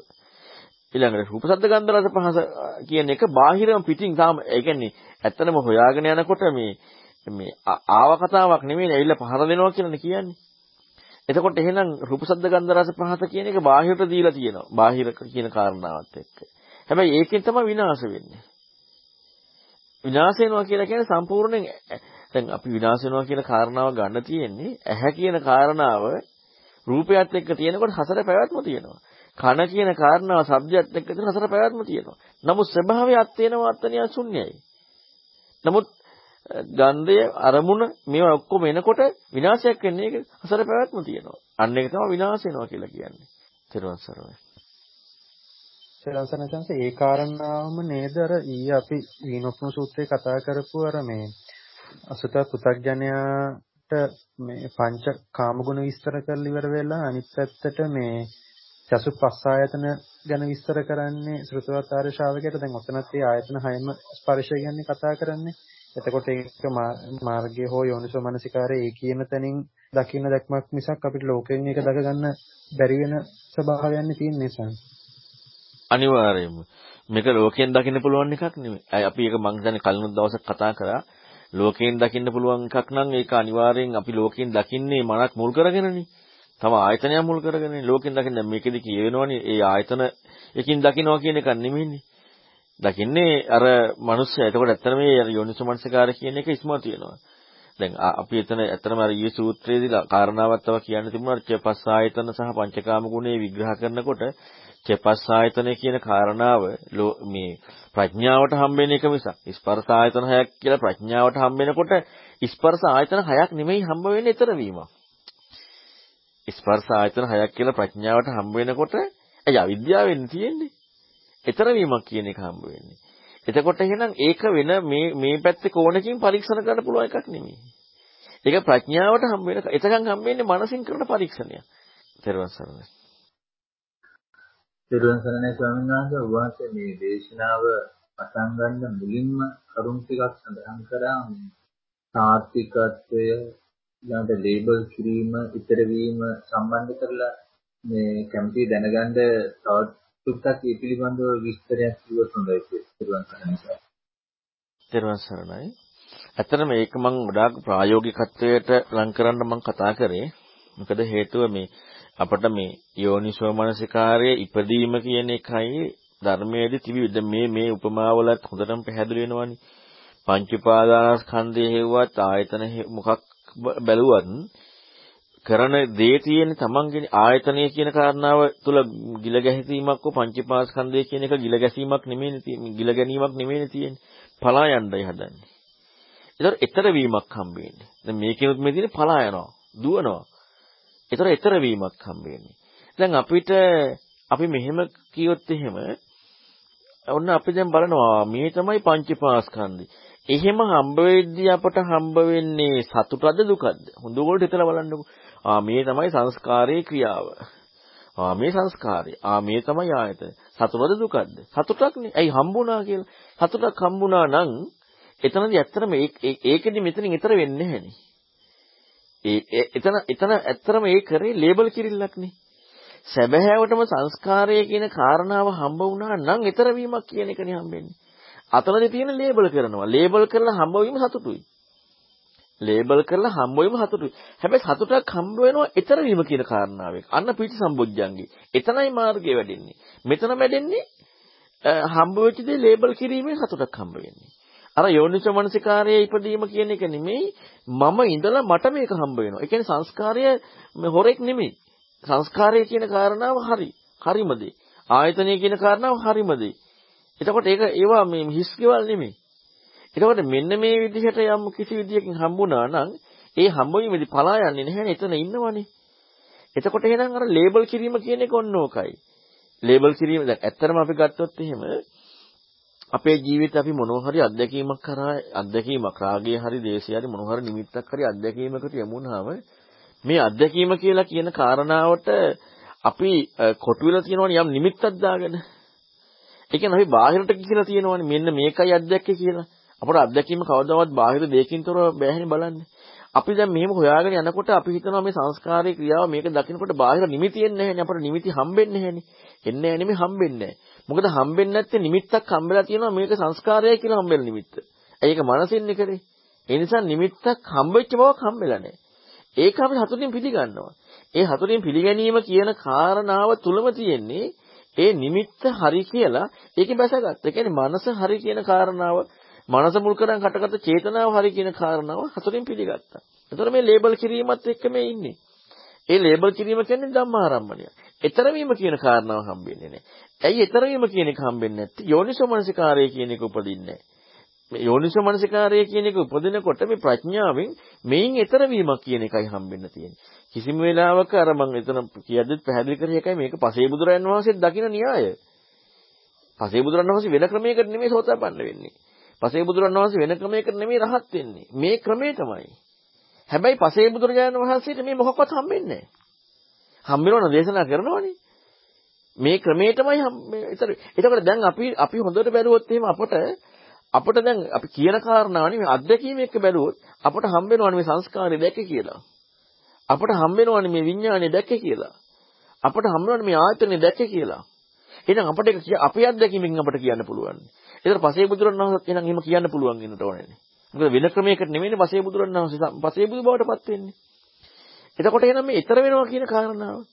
ඊතර වෙනවා කියන කාරණාවේදී මේ අත්දැකීම කියන එක අපි රාග අරමුණක් කෙනකොට මේ රාග අරමුණ නැත්තම් වෙන මොකක් හරි අරමුණක් කෙනකොට අපි මේ අරමුණ අයින් වීම කියන කාරණාව අපට හම්බ වෙනවා. හැබැයි ඒ අරමුණ අයින් වීම කියනකොටම අරමුණ දැන අරමුණ දැන ගැනීම කියන එක හම්බෙලා නැහැ. ඉතින් අපි හිතනවානේ අරමුණ අයින් වීමත් එක්ක මේ අරමුණ දැන ගැනීම කියන එකේ ස්වභාවය මේ දැක්කේ කියලා. අරමුණ නැත්තම් ඉතින් අරමුණ දැනගන්න විදියක් නැහැ නේ අරමුණ. හැබැයි අරමුණ අයින් වීම කියන කාරණාව දැනගත්තා. දැනගැනීම මේකනේ.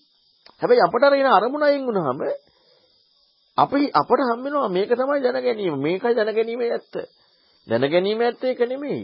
ඉතින් එතන දැනගැනීම ඇත්ත කියන කාරණාව හම්බ වුණා නම් ඊතර වීමක් මිසක් ඒක දැනගන්න විදිහක් නැහැ. ආයෙ දැනගන්න. එතකොට ආයෙ දැනගත්ත බව හම්බෙන්නේ නැහැ.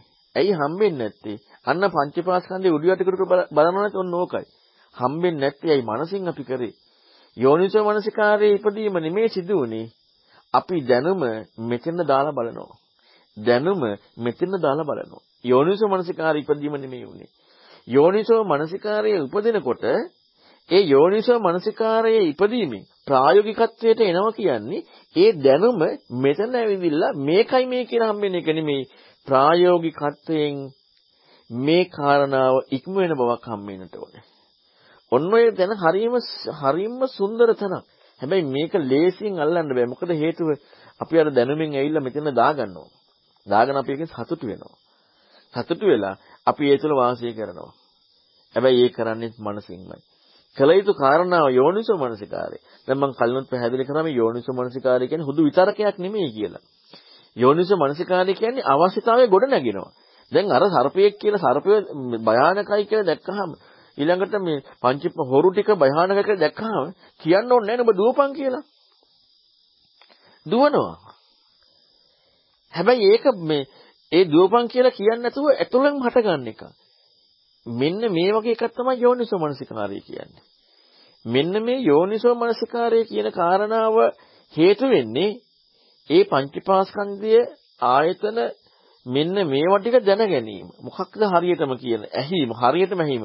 අන්න බලන්නකො අර සූත්‍රය අද සම්මත නියම සූත්‍රවල තියෙන හරියට අහනකොට වෙන වැඩි සද්ධර්මය හරියට අහනකොට කතම් න කතම් පරිභෝති න කතිකම් පරිභෝති න අත්තානම් පරිභෝති වගේම තමන් දන්න කාරණාවකට යොමු නැතුව එකක සිතින් යුක්තව මෙන්න මේ විදිහට අහනකොට සිදුවෙන එකනේ. අහනකොට සිදුවෙන එක තමයි අරක. අහනකොට ඒ කරුණ ගැලපෙනව නෙමෙයි. අහනකොට සිදුවෙන එක යෝනිසෝ මනසිකාරය ඒක මනසට ආවු ආපු ධම්මාරම්මණයකින් කරන විතරකයක් නෙමෙයි. අන්නේ ඉපදීමට කියන යෝනිසෝ මනසිකාරය. මෙන්න මේ යෝනිසෝ මනසිකාරය ඉපදීමෙන් තමයි මේ ඊතරවන්නේ ඒක අර ලේබල් කිරීමක් වෙන්නේ නැහැ. දැන් අපි අපට යම්කිසි අරමුණක් ආවහම අපි අර අරමුණ කෙරෙහි ඔහොම බෙද බෙදා බලන්නේ නැතුව යෝනිසෝ මනසිකාරයක් ඉපදෙන්නට අපට අවශ්‍යයි නේ. අපි බෙද බෙදා හරි බලන්න මූලික උත්සාහ කරන යෝනිසෝ මනසිකාරයක් උපද්දවා ගන්න තමයි. හැබැයි අපි ඒකෙදි සතුටු වෙනවනේ.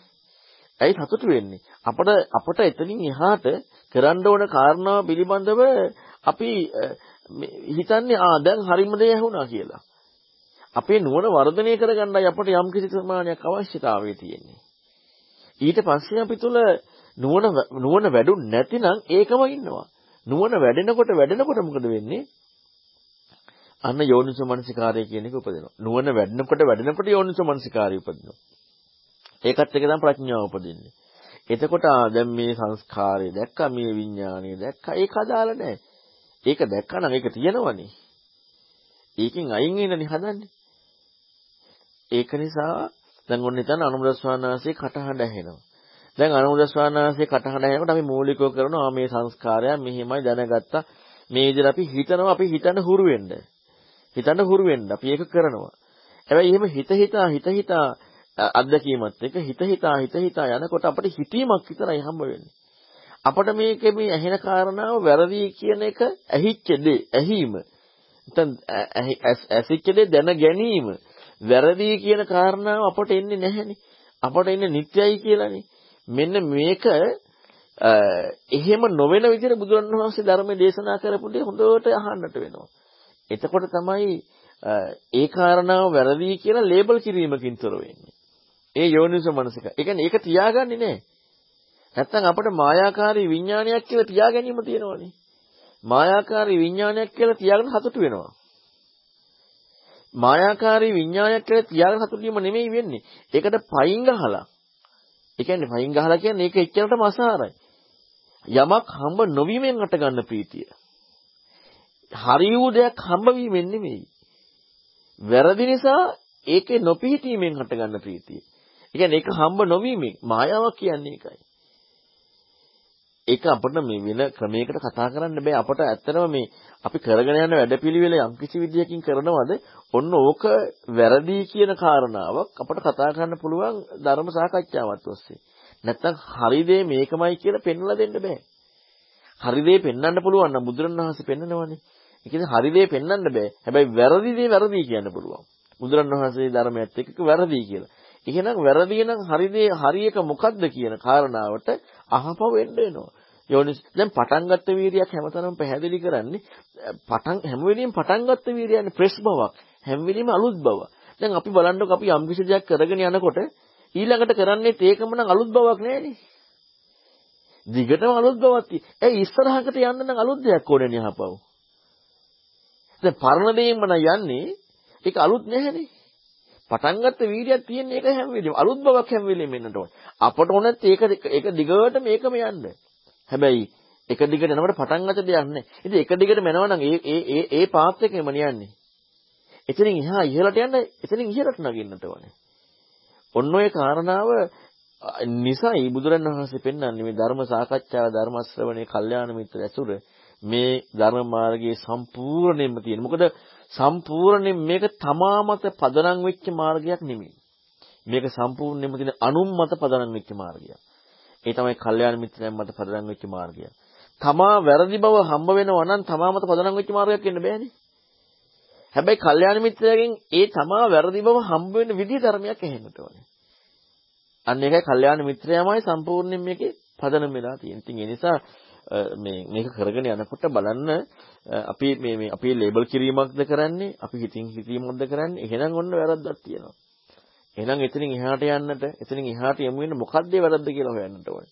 දැන් මේ සූත්‍ර මම කරන්න හිතුනේත් ඒකයි. මොකද මේ සූත්‍රයේ සම්පූර්ණයෙන් මේ කියලා පැහැදිලි කරන ඔක්කොගේ මේවා මේකෙන් මේක මේකට බයක් නේ මේකෙන් පලා යනනේ හදන්නේ. මේකෙන් අයින් වෙනනේ හදන්නේ. ඒ කියන්නේ ඒක හරි කියන එක නෙමෙයිනේ. ඒක වැරදි කියන කාරණා. හැබැයි වැරදි කියන කාරණා මනසින් නෙමෙයි හම්බෙලා තියෙන්නේ. එතකොට බලන්න මේ ඇසීම කියන එක කොච්චරනම් වැදගත්ද නිර්වුල් වැසීම කියන එක. නිර්වුල්ව ඉගෙන ගැනීම කියන එක.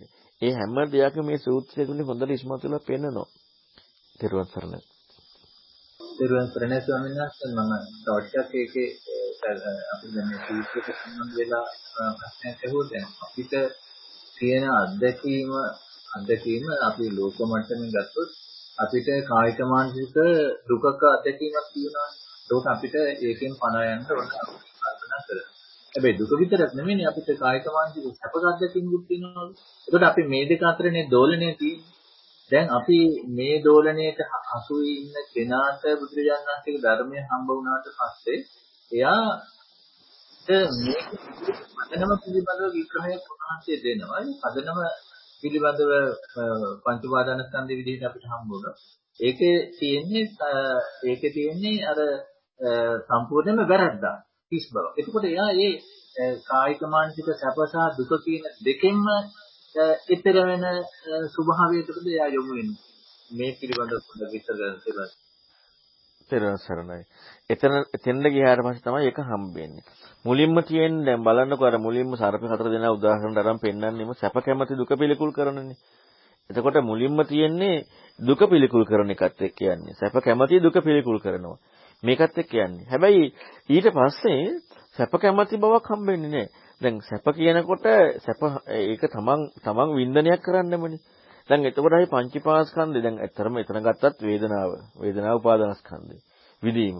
ඒතර වින්දනය කියන කාරණාවෙන් තමා තෘප්තිමත් කරනවා කියන කාරණාව ඊළඟට එන්න විදියක් නැහැ. තමා තෘප්තිමත් කරන කාරණාව මනන් තාමත් එන්නේ මොනවා හරි දෙයකින් දැකලා එහෙනම් ඒ විදීම කියන කාරණාව හරියට හම්බෙලා නැහැ. එතකොට එතන ඒකයි බුදුරණවහන්සේ ගැඹුරට තව ඉස්සරහට යනකොට පෙන්වා දෙන්නේ විඳපු දේ නැතුව විදීම කියන කාරණාව ඔස්සේ හොයාගෙන යන එක. අන්න අර මූලික දේ අතෙන්ද අවශ්‍යයි. මූලික දේ අවශ්‍යයි. හැබැයි මූලික දේෙන් හොයාගෙන යන්න තැනදී තමයි එයාට මේ කරුණු හම්බ වෙන්නේ. මූලික දේ නැත්තම් එයාට හම්බෙන්නේ නැහැ. හැබැයි මූලික දේම නම් තාම තියාගෙන ඉන්නේ. එතකොට එතනින් එහා කාරණාව හම්බෙන්නේ නැහැ. ඉතින් ඒ නිසා අනිවාර්යයෙන්ම මෙතෙන්ද ඒ කියන්නේ නුවණ නුවණ කියන කාරණා දැන් අපිට යෝනිසමනසිකාරය කියන එක මුලිනුත් උපදිනවනේ කෙනෙකුට යම් ලෝකේ වචනයනේ බුදුරණාහි යෝනිසමනසිකාරය කියන්නේ. දැන් පළවෙනියම යාට උපදින කාරණා තමයි මේ දුක පිළිකුල් කළ දුක ප්‍රතික්ෂේප කරලා යන්න ඕන කැමැත්ත. ඒකටයි යා එන්නේ. ඒ ඒ දෙයට තමයි දැන් අපි උදාහරණයකට දැන් මේ මේ සමාජයේ තියෙන මේ ප්‍රශ්නේ අපි හිතමු අපට අපටම හැදුණා කියලා කොරෝනා. ඒතකොට හැදුණාට පස්සේ මේකෙන් අයින් වෙන්නට ඕනේ මේක නැති වෙන්නට ඕනේ. එහෙනම් මොකද්ද මේකට තියෙන්නේ කියනකොට කිසිම පිළියමකුත් නැහැ. එහෙනම් අවශ්‍යතාවයක් ගොඩනගෙනවා මේක නැතුව මේක නොලැබෙන නොලැබෙන බවක් Tamanට අත්දැකීමකුත් නැතුව මේකත් අයින් මේක අයින් කරන්නත් Tamanට නොලැබෙන බව අත්දැකීමකුත් නැහැ. මෙන්න මේකට අර හිතන්න අවශ්‍යතාවයක් ඕන. මේ කියන්නේ ධර්මයට යොමු වෙන්න ඕනකමක් ඇති වෙනවා. ධර්මයට යොමු වෙනවා එතනදී. හැබැයි ඊළඟට ධර්මයට යොමු වෙන තැනදී පැහැදිලි කරනවා මේ පංචපාස්කන්ධය ගැන, ජීවිතය අත්දැකීම ගැන. ඒක හැබැයි අරට වඩා භයානකයි. අතනදී නම් සැපෙන් ඉන්න හරි පුළුවන් මොකක් හරි වෙලා මේක ඊට වඩා භයානකයි. අන්නේ භයානක බව කියන එක ඒ ඒ සැබෑම තමන්ගේ පැත්තට යොමු කරලා මේ පංචපාස්කන්ධය බලනකොට තමයි ඒ මේ සැප හෝ දුක නැත්නම් තමන් පිහිටා සිටීම ප්‍රීති විඳින එක හරි මේ දෙකම අයින් වෙන කාරණාව යාට හම්බ වෙන්නේ. එතකොට ඒකෙත් අයින් වෙන නුවණක් යාට හම්බ වෙනවා. එතකොට ඒකෙන් අයින් වෙන නුවණක් හම්බ වෙනවා. එතෙන්ද ඒ නුවණ හම්බ වෙනකොට අන්න එයාට අර ඊතරණ මාර්ගය හම්බ වෙනවා. මූලිකව තියෙන්නේ අරක ඊට පස්සේ එයාට මේ ඊතරණ මාර්ගයේදී අර කිසිම වින්දන විඳීම කියනකොට මොනවා හෝ වින්දනයක් එක්ක එතකොට සැපත් දුකත් අදුක්කම සුඛත්. එතන මේ මේ සැප දුක අදුක්කම සුඛ විඳිනවා. එතන සැපත් දුකත් අදුක්කම සුඛත් ඕන එකක් මේ විඳීම කියන කාරණාවම පෙන්වන බුදුරන් වහන්සේ මේ හතරක් කියලා. ඒකම ප්‍රශ්නයක් කියලා. අන්න දැන් ඒකම හොයනවා ඊට පස්සේ. ඒකම හොයාගෙන යනවා. ඒකම හොයාගෙන යද්දි තමයි චන්ද්‍රාගය හම්බ වෙන්නේ මේ ආයතන ස්වභාවය හම්බ වෙන්නේ. මේ මාර්ගය උපදින්නේ. අන්න ඒ කාරණාවත් හොයාගෙන යද්දි. එතකොට ඒ කියන කාරණාවේම මට ලකුණක් හම්බ වෙන්නේ, මට තැනක් හම්බ වෙන්නේ මොනවා හෝ දෙයකින් මම වින්දනයක් ලබන්න කැමති වුණාමනේ. සැප කැමති වුණාමනේ. සතුටු වෙන්න කැමති වුණාමනේ. එතකොට එහෙනම් ඒ චන්දරාගය කියන කාරණාව පැහැදිලි කරන්නේ සියලු විදීම් එක්කමනේ. එතකොට විදීම කියන්නේ වේදනාව ලබන කාරණාව උපේක්ෂාවක් වුණත් ඒකත් විඳිනවනේ. එතකොට ඒකටත් චන්දරාගයනේ. දුකත් විඳිනවනේ. ඒකත් චන්දරාගයනේ. එතකොට මෙන්න මේ චන්දරාගය කියන කාරණාවත් එක්ක තමයි මේ හැම එකම කතා කරන්නේ. අතනදී මුලින්ම හම්බ වෙන කාරණාව තමයි තමන් තමන් බලෙන් ආස කරන, තමන් කැමති ඒක කාමයට එක්ක. හැබැයි මෙතන චන්ද රාගයත් එක්ක. ඕක තමයි පටිසමුප්පාදේ පේනන හැමතැනම තණ්හා විග්‍රහ කරනකොට රූප ශබ්ද ගන්ධ පොට්ටබ්බ ධම්ම තණ්හා සමාධි භාවනා සූත්‍රයේ පෙනෙනවා රූපේ හතුලින් පිළිගැනීමෙන් රූපය හට ගන්න ආකාරය. ඒ කියන්නේ මේ මේ ලෝකේ සකස් වෙන ආකාරය. එතකොට එහෙනම් ඒ හතුලින් පිළිගැනීම කියන එකට ભેදයක් නැහැ. හතුලින් පිළිගත්ත කියන්නේ හරි කියලා හම්බුණා. නිවැරදි කියලා හම්බුණා. හොඳයි කියලා හම්බුණා. ඒ කියන්නේ ඒ එතන බැස ගැනීමක් හම්බුණා. අන්න ඒක තමයි එකට හතුලින් පිළිගත්ත කියන වචනේ දෙන්නේ අන්න ඒකත් එක්ක. ඊට පස්සේ තමයි එතනින් එහාට ඒ සත්‍ය ඔස්සේ හොයාගෙන යන්නේ. තෙරුවන් සරණයි. තෙරුවන් සරණයි ස්වාමීන් වහන්සේ ඊට පස්සේ දැන් මෙයාට මේකේ මූලික කොටස හම්බුනාට පස්සේ කාම ඕගේදී ආය කාමයේ හම්බ වෙනවා. තෙරුවන් සරණයි. ඔව් එතනදී හම්බ වෙන්නේ ඕගයක් හැටියටනේ. මුලින් හම්බ වෙන්නේ කාමය කියන කාරණාව ඇත්තටම දැන් එතන කාමය ප්‍රහාණය කරනවාම කියන්නේ නැහැ ඒකාන්ත කළා. මොකද හොතපන්න කෙනාට එහෙම කාමය ප්‍රහාණය නැහැ. හැබැයි කාමය සැඩපහරක් හැටියට හම්බ වෙනවානේ. සැඩපහරක් කියන එක සහ සංකල්පමය රාගය කියන කාරණාව අතර වෙනසක් තියෙනවා. සංකල්පමීය රාගයක් කියනකොට තමම මැදිහත් වෙලායි තියෙන්නේ. තමම මැදිහත් වෙච්ච මැදිහත් වෙලා හම්බෙච්ච එක. හැබැයි කාමයේ සැඩපහරක් කියනකොට මේ කාමය එන විදිහක් හම්බ වෙන්නේ. අතන හම්බ වෙන්නේ තමන් කාමයේ සකස් කරගන්න විදිය. දැන් කාමයේ සැඩපහරක් කියන කාරණා හොයන් යනකොට අර මම කියන කාරණාවේ වැරදි බවත් එක්කයි ඒ කාරණාව හම්බ වෙන්නේ. මුලින් හම්බ වෙන්නේ කාමයේ තමන් කරන එකක් හැටියට. ඒ කියන්නේ තමන්ගේ සංකල්පමය රාගයක් හැටියට කාමයේ හම්බ වෙන්නේ. ඒක තමයි කාමය. කාම ඕගය නෙමෙයිනේ. ඒ කාමයේ. ඒක කාම ඕගය කියනවා සැඩපහර හැටියට. ඒක ඇත්තටම වෙනස්. මම ඒකයි අර පැහැදිලි කරේ මේ ඊයේ ඊයේත් පැහැදිලි කරේ සෝතාපන්න කෙනා ධ්‍යාන ලබන එකයි සෝතාපන්න කෙනෙක් අනාගාමී වෙන එකයි. මේ දෙකේ වෙනසක් තියෙනවා. සෝතාපන්න කෙනෙක් ධ්‍යාන ලබද්දී Tamanට හම්බෙන කාමයන් ටික අයින් කරලා සෝතාපන්න කෙනෙක් අනාගාමී වෙනකොට කාමයන් එන ස්වභාවය ඉක්මන අනාගාමී වෙනවා. යොන්න ඔය ඔතන අතනදී සම්පූර්ණයෙන් ඒ කාමයේමට පදනම් වෙච්ච ආත්මීය දෘෂ්ටිය ඉක්මවලා යනවා. නැත්තම් ඉතන අර මම පදනම් වෙලා නැත්තම් මේ මේ සාරවත් කියන කාරණාව ඉක්මවලා යනවා. ඉතින් මෙතන මේ පරයය දෙකක් තියෙනවා. තෙරුවන් සරණයි. තෙරුවන් සරණයි සන්නස. අර මේ දැන් ඔතනදී මුලින්ම සන්නස මේ කය මුල් කරගෙන සන්නස සතර මහා ධාතු ගැන කතා කරන්නේ. හැබැයි සන්නස දැන් අර කිංචිකපම සූත්‍රයේ තියෙන ඒ පරයය හතරත් එක්ක කතා කරන්නේ දැන් ධාතු මුල් කරගෙන එහෙම ආයතන මුල් කරගෙන හරි සන්නස ඒ ඒ කියන සන්නස මේ පහුරට බැස ගන්න කෙනාගේ ස්වභාවයද කියන්නේ පහුරට බැසගන්නේ අත්දැකීමක් සක්කාය කියන කාරණේ මුල් කරගෙන මේ ඒ හොයන පරියායත් එක්ක දෙතන කතා කරන්නේ? කියන්නේ ශේකත්වයත් එක්කද කියන සන්නස පොඩ්ඩක් පැහැදිලි කරලා ඉතින් පංච පංච උපාදානස්කන්ධය ගැන කියන්නේ රූප උපාදානස්කන්ධය තියෙනවනේ. පංචපාස්කන්ධය කියනකොට රූපපාස්කන්ධය තියෙනවා. දැන් අපි හිතමු ධාතු ගැන කතා කරන්න ගියාම ධාතු කතා කරන්නේ මොකක් එක්කද? රූපපාස්කන්ධයත් එක්ක. දැන් රූපපාස්කන්ධය කතා කරන්නේ සත්තාරච මහා භූත සතුනංච මහවත උපාදාය රූප. එතන රූපපාස්කන්ධය ගැන කියනවා. එතන ධාතු ගැන හම්බ වෙනවා. එතන එතන ඊතරණ මාර්ගය හම්බ වෙනවා. එතන ඒ පරයයත් එක්ක. දැන් අතනදි කතා කරන කාරණා පෙන්වනවා. දැන් දැන් ඒ ඒ සූත්‍රෙමේ දෙකම තියෙනවානේ. අතනින් මේ ධාතු ටිකෙන් අයින් වෙන්න යනවා. අතනේ පංචපාස. පංච රූපය කියනකොට පංචපාස කන්නේ ධාතුත් එක්කනේ හම්බ වෙන්නේ. ඒක වෙනම එකක් හැටියට පැහැදිලි කරන්නේ. අරක වෙනම එකක් හැටියට. එතකොට මෙතනදී ඒ කාරණාව හරියට හම්බ වෙනවා. ඒ ධාතු කියන ස්වභාවය. ඒක හොයාගෙන යනකොට. ඉතින් ඒ නිසා අපි මේ විදිහට බලන්න ඒක මේ මේකේ බුදුරණවහන්සේ මේ දුන්න සෑම එකම පුදුම සුන්දර භාවයක් තියෙනවා. ත්‍රිවංශ සරණයි. ත්‍රිවංශ සරණයි. ත්‍රිවංශ ස්වාමීන් වහන්සේ බුදුන්සි ඉස්සල්ලා කීකර නිමිති නොදෙන ගතියක් එනවා කියලා මනස පාදගෙන ස්වාමීන් වහන්සේ එතන තව ගොඩ විස්තර කරා ගන්න ඕන කියලා මට ඉන්න මොකද එතන තමයි අපි ගිහිල්ලා අන්තිමට හිර වෙන්නේ කියලා නේද කරන් හොයන් හොයන් යද්දී දැන් එතන අපි ගිහිල්ලා අපි මෙතන නිරවුල් කරගත්ත දැනුම යොදලා හරි නොයොදලා හරි. දෙකෙන් ওই පැත්ත කරත් යොදද්දිනොත් ගොඩ කාලයක් යෙදුවොත් ආයේ ඒක යොදන්න අවස්ථාවක් නැති වෙලා නිමිති එන්න නැති වෙන්න ගන්නවා. ඒක යොදන්න නැතුවම හිටියොත් ඒ නිමිති එන්න නැති ගතියක් හම් වෙනවා.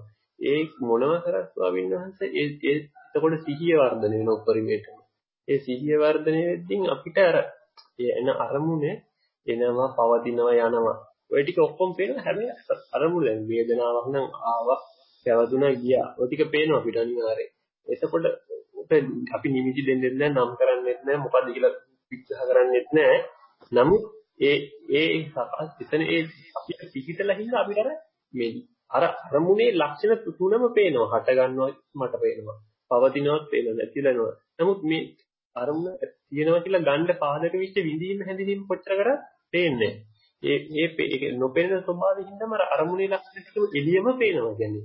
එළිය ලක්ෂණ ටිකම මම පැත්තකින් අර නිරීක්ෂණය කරන ගතිය එහෙමම තියෙනවා. මේ මෙතන හරි මෙතන තමයි අන්තිමට ගිහලා හිර වෙන්නේ කියලා මට. ඒ හින්දා තව පොඩ්ඩක් පැහැදිලි කරන්න ඕනේ. තරවසන්න ඒක නම් ඇත්තටම අනිවාර්යයෙන්ම ඒ විදිහට ගිහලා හිර වෙනවා. මොකද ඒ ඒ හිර වෙන්නේ අපි මනස පාදක කරගෙන ඔක්කොම කරන්නේ. ප්‍රායෝගිකත්වය කියන එක මනස පාදක කරගෙන නෙමෙයි. ප්‍රායෝගිකත්වයේ සිදුවෙච්ච ප්‍රඥාව පාදක කරගෙන. මනස පාදක කරගෙන තමයි අපිට විචක්ෂණය කරන්න මූලික තැන හම්බ වෙන්නේ. හැබැයි යෝනිසමනසිකාරය කියන්නේම ඒකත් එහා ගියපු එකක්. එතකොට දකින්නවා කියන එක ප්‍රඥාව පාදක කරගෙන. දැන් අපි ඒ නිසා මුලින්ම දැනගන්නට ඕනේ මේ දකින්න කෝණේ අපි මනසින් නම් සම්පූර්ණයෙන්ම වැරදි. සම්පූර්ණ වැරදි කියන්නේ ඒ ඒ මාර්ගය හම්බ වෙන්නේ නැහැ. මනසින් දකින්නේ. මනසින් හැබැයි ඒක අපට කල්පනා කරන්නට යම්කිසි රැවටෙන්නේ නැතුව කල්පනා කරන්නට උපකාරයක් තියෙනවා. රැවටෙන්නේ නැතුව ඒක අපි දැනගන්නට ඕනේ. රැවටෙන්නේ නැතුව කල්පනා කරන්න. රැවටෙමින් කල්පනා කරන්න ගියොත් ලොකු ප්‍රශ්නයකට මුහුණ දෙන්න මුහුණ දෙීමකට යමු වෙනවා. දැන් අපි ගත්තොත් දැන් බණ්ඩාර කියපු ක්‍රමයට දැන් අපි මේ විදිහට බලන් යනකොට අපි මේ මේ ධර්මයේ පිළිබඳව යම්කිසි හරි මේ කල්පනා කිරීමකට යමුනහම හොඳට හිතලා බැලුවොත් එහෙම දැන් අපිට මේ විදිහට වේදනාව හරි විඳින දේ හරි මොනවා හරි දෙයක් නම් කිරීමකින් තොරව සිහියක් ඉපදීමෙන් නැති බවක් හම්බ වෙනවා කියනකොටම නැති බවක් හම්බ වෙනවා කියනකොටම කරපු ක්‍රමේ වැරදිනේ. ඒ බුදුරණවහන්සේ පෙන්වා දෙන්නේ අපි හිතමු අපි දැන් රහත් නෑ කෙනෙකුට රහත් නෑ හරි දැන් මම මේ මාර්ගයේ ඉන්නේ කියලා නැති බවක් හම්බෙන්න විදියක් නැහැනේ. සමුදය දකිද්දි කොහෙද නෑ කියන්නේ? සමුදය දකිද්දි නෑ කියන්න බෑනේ. නැති වුණා නම් සමුදය දැකලා නෑනේ. නැති වුණා නම් සමුදය දැකලා නෑ. හැබැයි නිරෝධය දකිද්දි තියෙනවා කියන්න බෑ. දැන් ඔය ඔය කියමනත් එක්කම බලන්නකො මේ ලෝකයේ ටිකක් පරස්පර බවක් තියෙනවනේ ලෝකයේට. ඒ ලෝකයට අනිවාර්යයෙන්ම ওই දෙකෙන් එකක් නේ හම්බ වෙන්න ඕනද? එක්ක නෑ එක්ක තියෙනවා කියලානේ. හැබැයි ওই දෙකම දුර වෙන එකක් නේ. එතකොට බලන්න මේ ලෝකයේ කෝණයට දිහා ගියපු කෝණයක් නේ දර්ශනය කියන්නේ. ඒක ලෝකෝත්තරය කියන්නේ. අර විදියට හොයාගෙන අපි යනකොට හොඳට දැනගන්න අපිට නැති නෑ කියන කාරණාවක් අපට මොනවා හෝ ක්‍රමයකට හම්බ වුණා නම් ප්‍රතිබවක් කියන එක හම්බ වුණා නම් අනිවාර්යයෙන්ම අපි හොයාගෙන ගිය ක්‍රමයේ තුල පරිසම්පාදේ සමුදය දැකලා නෑ කියන එකම යංක 1. නිරෝධය කතා කරන දෙයක් නේ. සමුදය දැකලා නෑ. සමුදය දැක්කම නැති බවක් නැති බවක් සාක්ෂාත් කරන්නේ නිරෝධය. හතන වහන්සේ සාක්ෂාත් කරන්නේ. නිවන නිවීමනේ. ඉතින් නිරෝධයක් හම්බුනන සාක්ෂාත් කරලානේ. එහෙනම් බුදුරණවහන්සේ කියපු කාරණාව ගැලපෙන්නේ නැහනේ. ඒතර බලන්න එහෙනම් මේ හිතන්න කොච්චර පැත්තක් තියෙනවද කියලා. මෙන්න මේකයි මේ ගොඩාක් මේ තියෙන ප්‍රශ්නේ තියෙන්නේ අත්දැකීමත් එක්ක යනකොට ඔය ඔය ඔය පටලැවිල්ලට යමු වෙනවා. අත්දැකීමත් එක්ක යනකොට. මොකද ඒකට හේතුව අපි අත්දැකීමකට ප්‍රායෝගිකත්වයකට යමු වෙන්නේ නොවැඩුණු දෙයකින් නොවැඩුණු මනසකින් අපට අපේ කෝණයට යම් දෙයක් කරන්න පුළුවන්. හැබැයි දැනගෙන කරන්නට ඕනේ. දැන් කෙනෙකුට හිතෙන්න පුළුවන් එහෙනම් කරන්න එපාද මේ කියන්නේ. නෑ කරන්න එපා නෙමෙයි කියන්නේ දැනගෙන කරන්නට ඕනේ. මොකද අත්දැකීම කියන කාරණාව අසාමාන්‍ය මුලා වෙන්න ඔය හේතු වෙනවා. අත්දැකීම කියන කාරණාව අසාමාන්‍ය වශයෙන් මුලා වෙන්න හේතු වෙනවා. ඇයි ඒක පෙර නොඇසූ විදිහට තමන්ගේ තමන්ගේ තමන්ට පෙර පෙර නොලැබපු විදිහට ලැබෙන අත්දැකීමක්. ඒ නිසා මුලා වෙනවා. ඒක දැනගෙන කරන කෙනාට දැනග අන්න එක අර අර අර අර ගතිය අර නුවණ තියෙන කෙනාගේ ගතිය හොයන ගතිය. ඒ කියන්නේ මේ සත්‍ය ගවේෂණ ගතිය අර චින්තන චින්තන විලාසය හිතන විලාසය මෙන්න මේක වැදගත් වෙන්නේ යන්නේ ඒකයි. ඒක අපි තුල උපදින කම්ම අපි තුල ඒක උපදින කම්ම අපි හොඳටම බලන්නට ඕනේ මේ ධර්මයේ කියපු කාරණාව එක්ක අපේ දේ ගලප ගලපලා වැරදි කියලා අයින් කරන්න. වැරදි කියලා අයින් කරන්න අපි උත්සාහ වෙන්නට ඕනේ. ඒක ඒක අපට ඇත්තටම මේ අර මූලිකම දේ පුජ්‍යලය හතට වෙන්න දඟලන්නේ. පුජ්‍යලය හතට වෙන්න දඟලන්නේ කාමයෙන්. ආයේ කාමේ නැතුව ওই දෙකෙන් හතට වෙන්න දඟලන මොකකින් හරි. කාමයෙන් හතට වෙන්න දඟලන එක වැරදි කියලා කාම නැතුව හතට සතුට වෙනවා. ඉතින් ඒක සතුට වීමක් නේ. මුකුත් නැතුව සතුට වෙනවා. ඒක සතුට වීමක් නේ.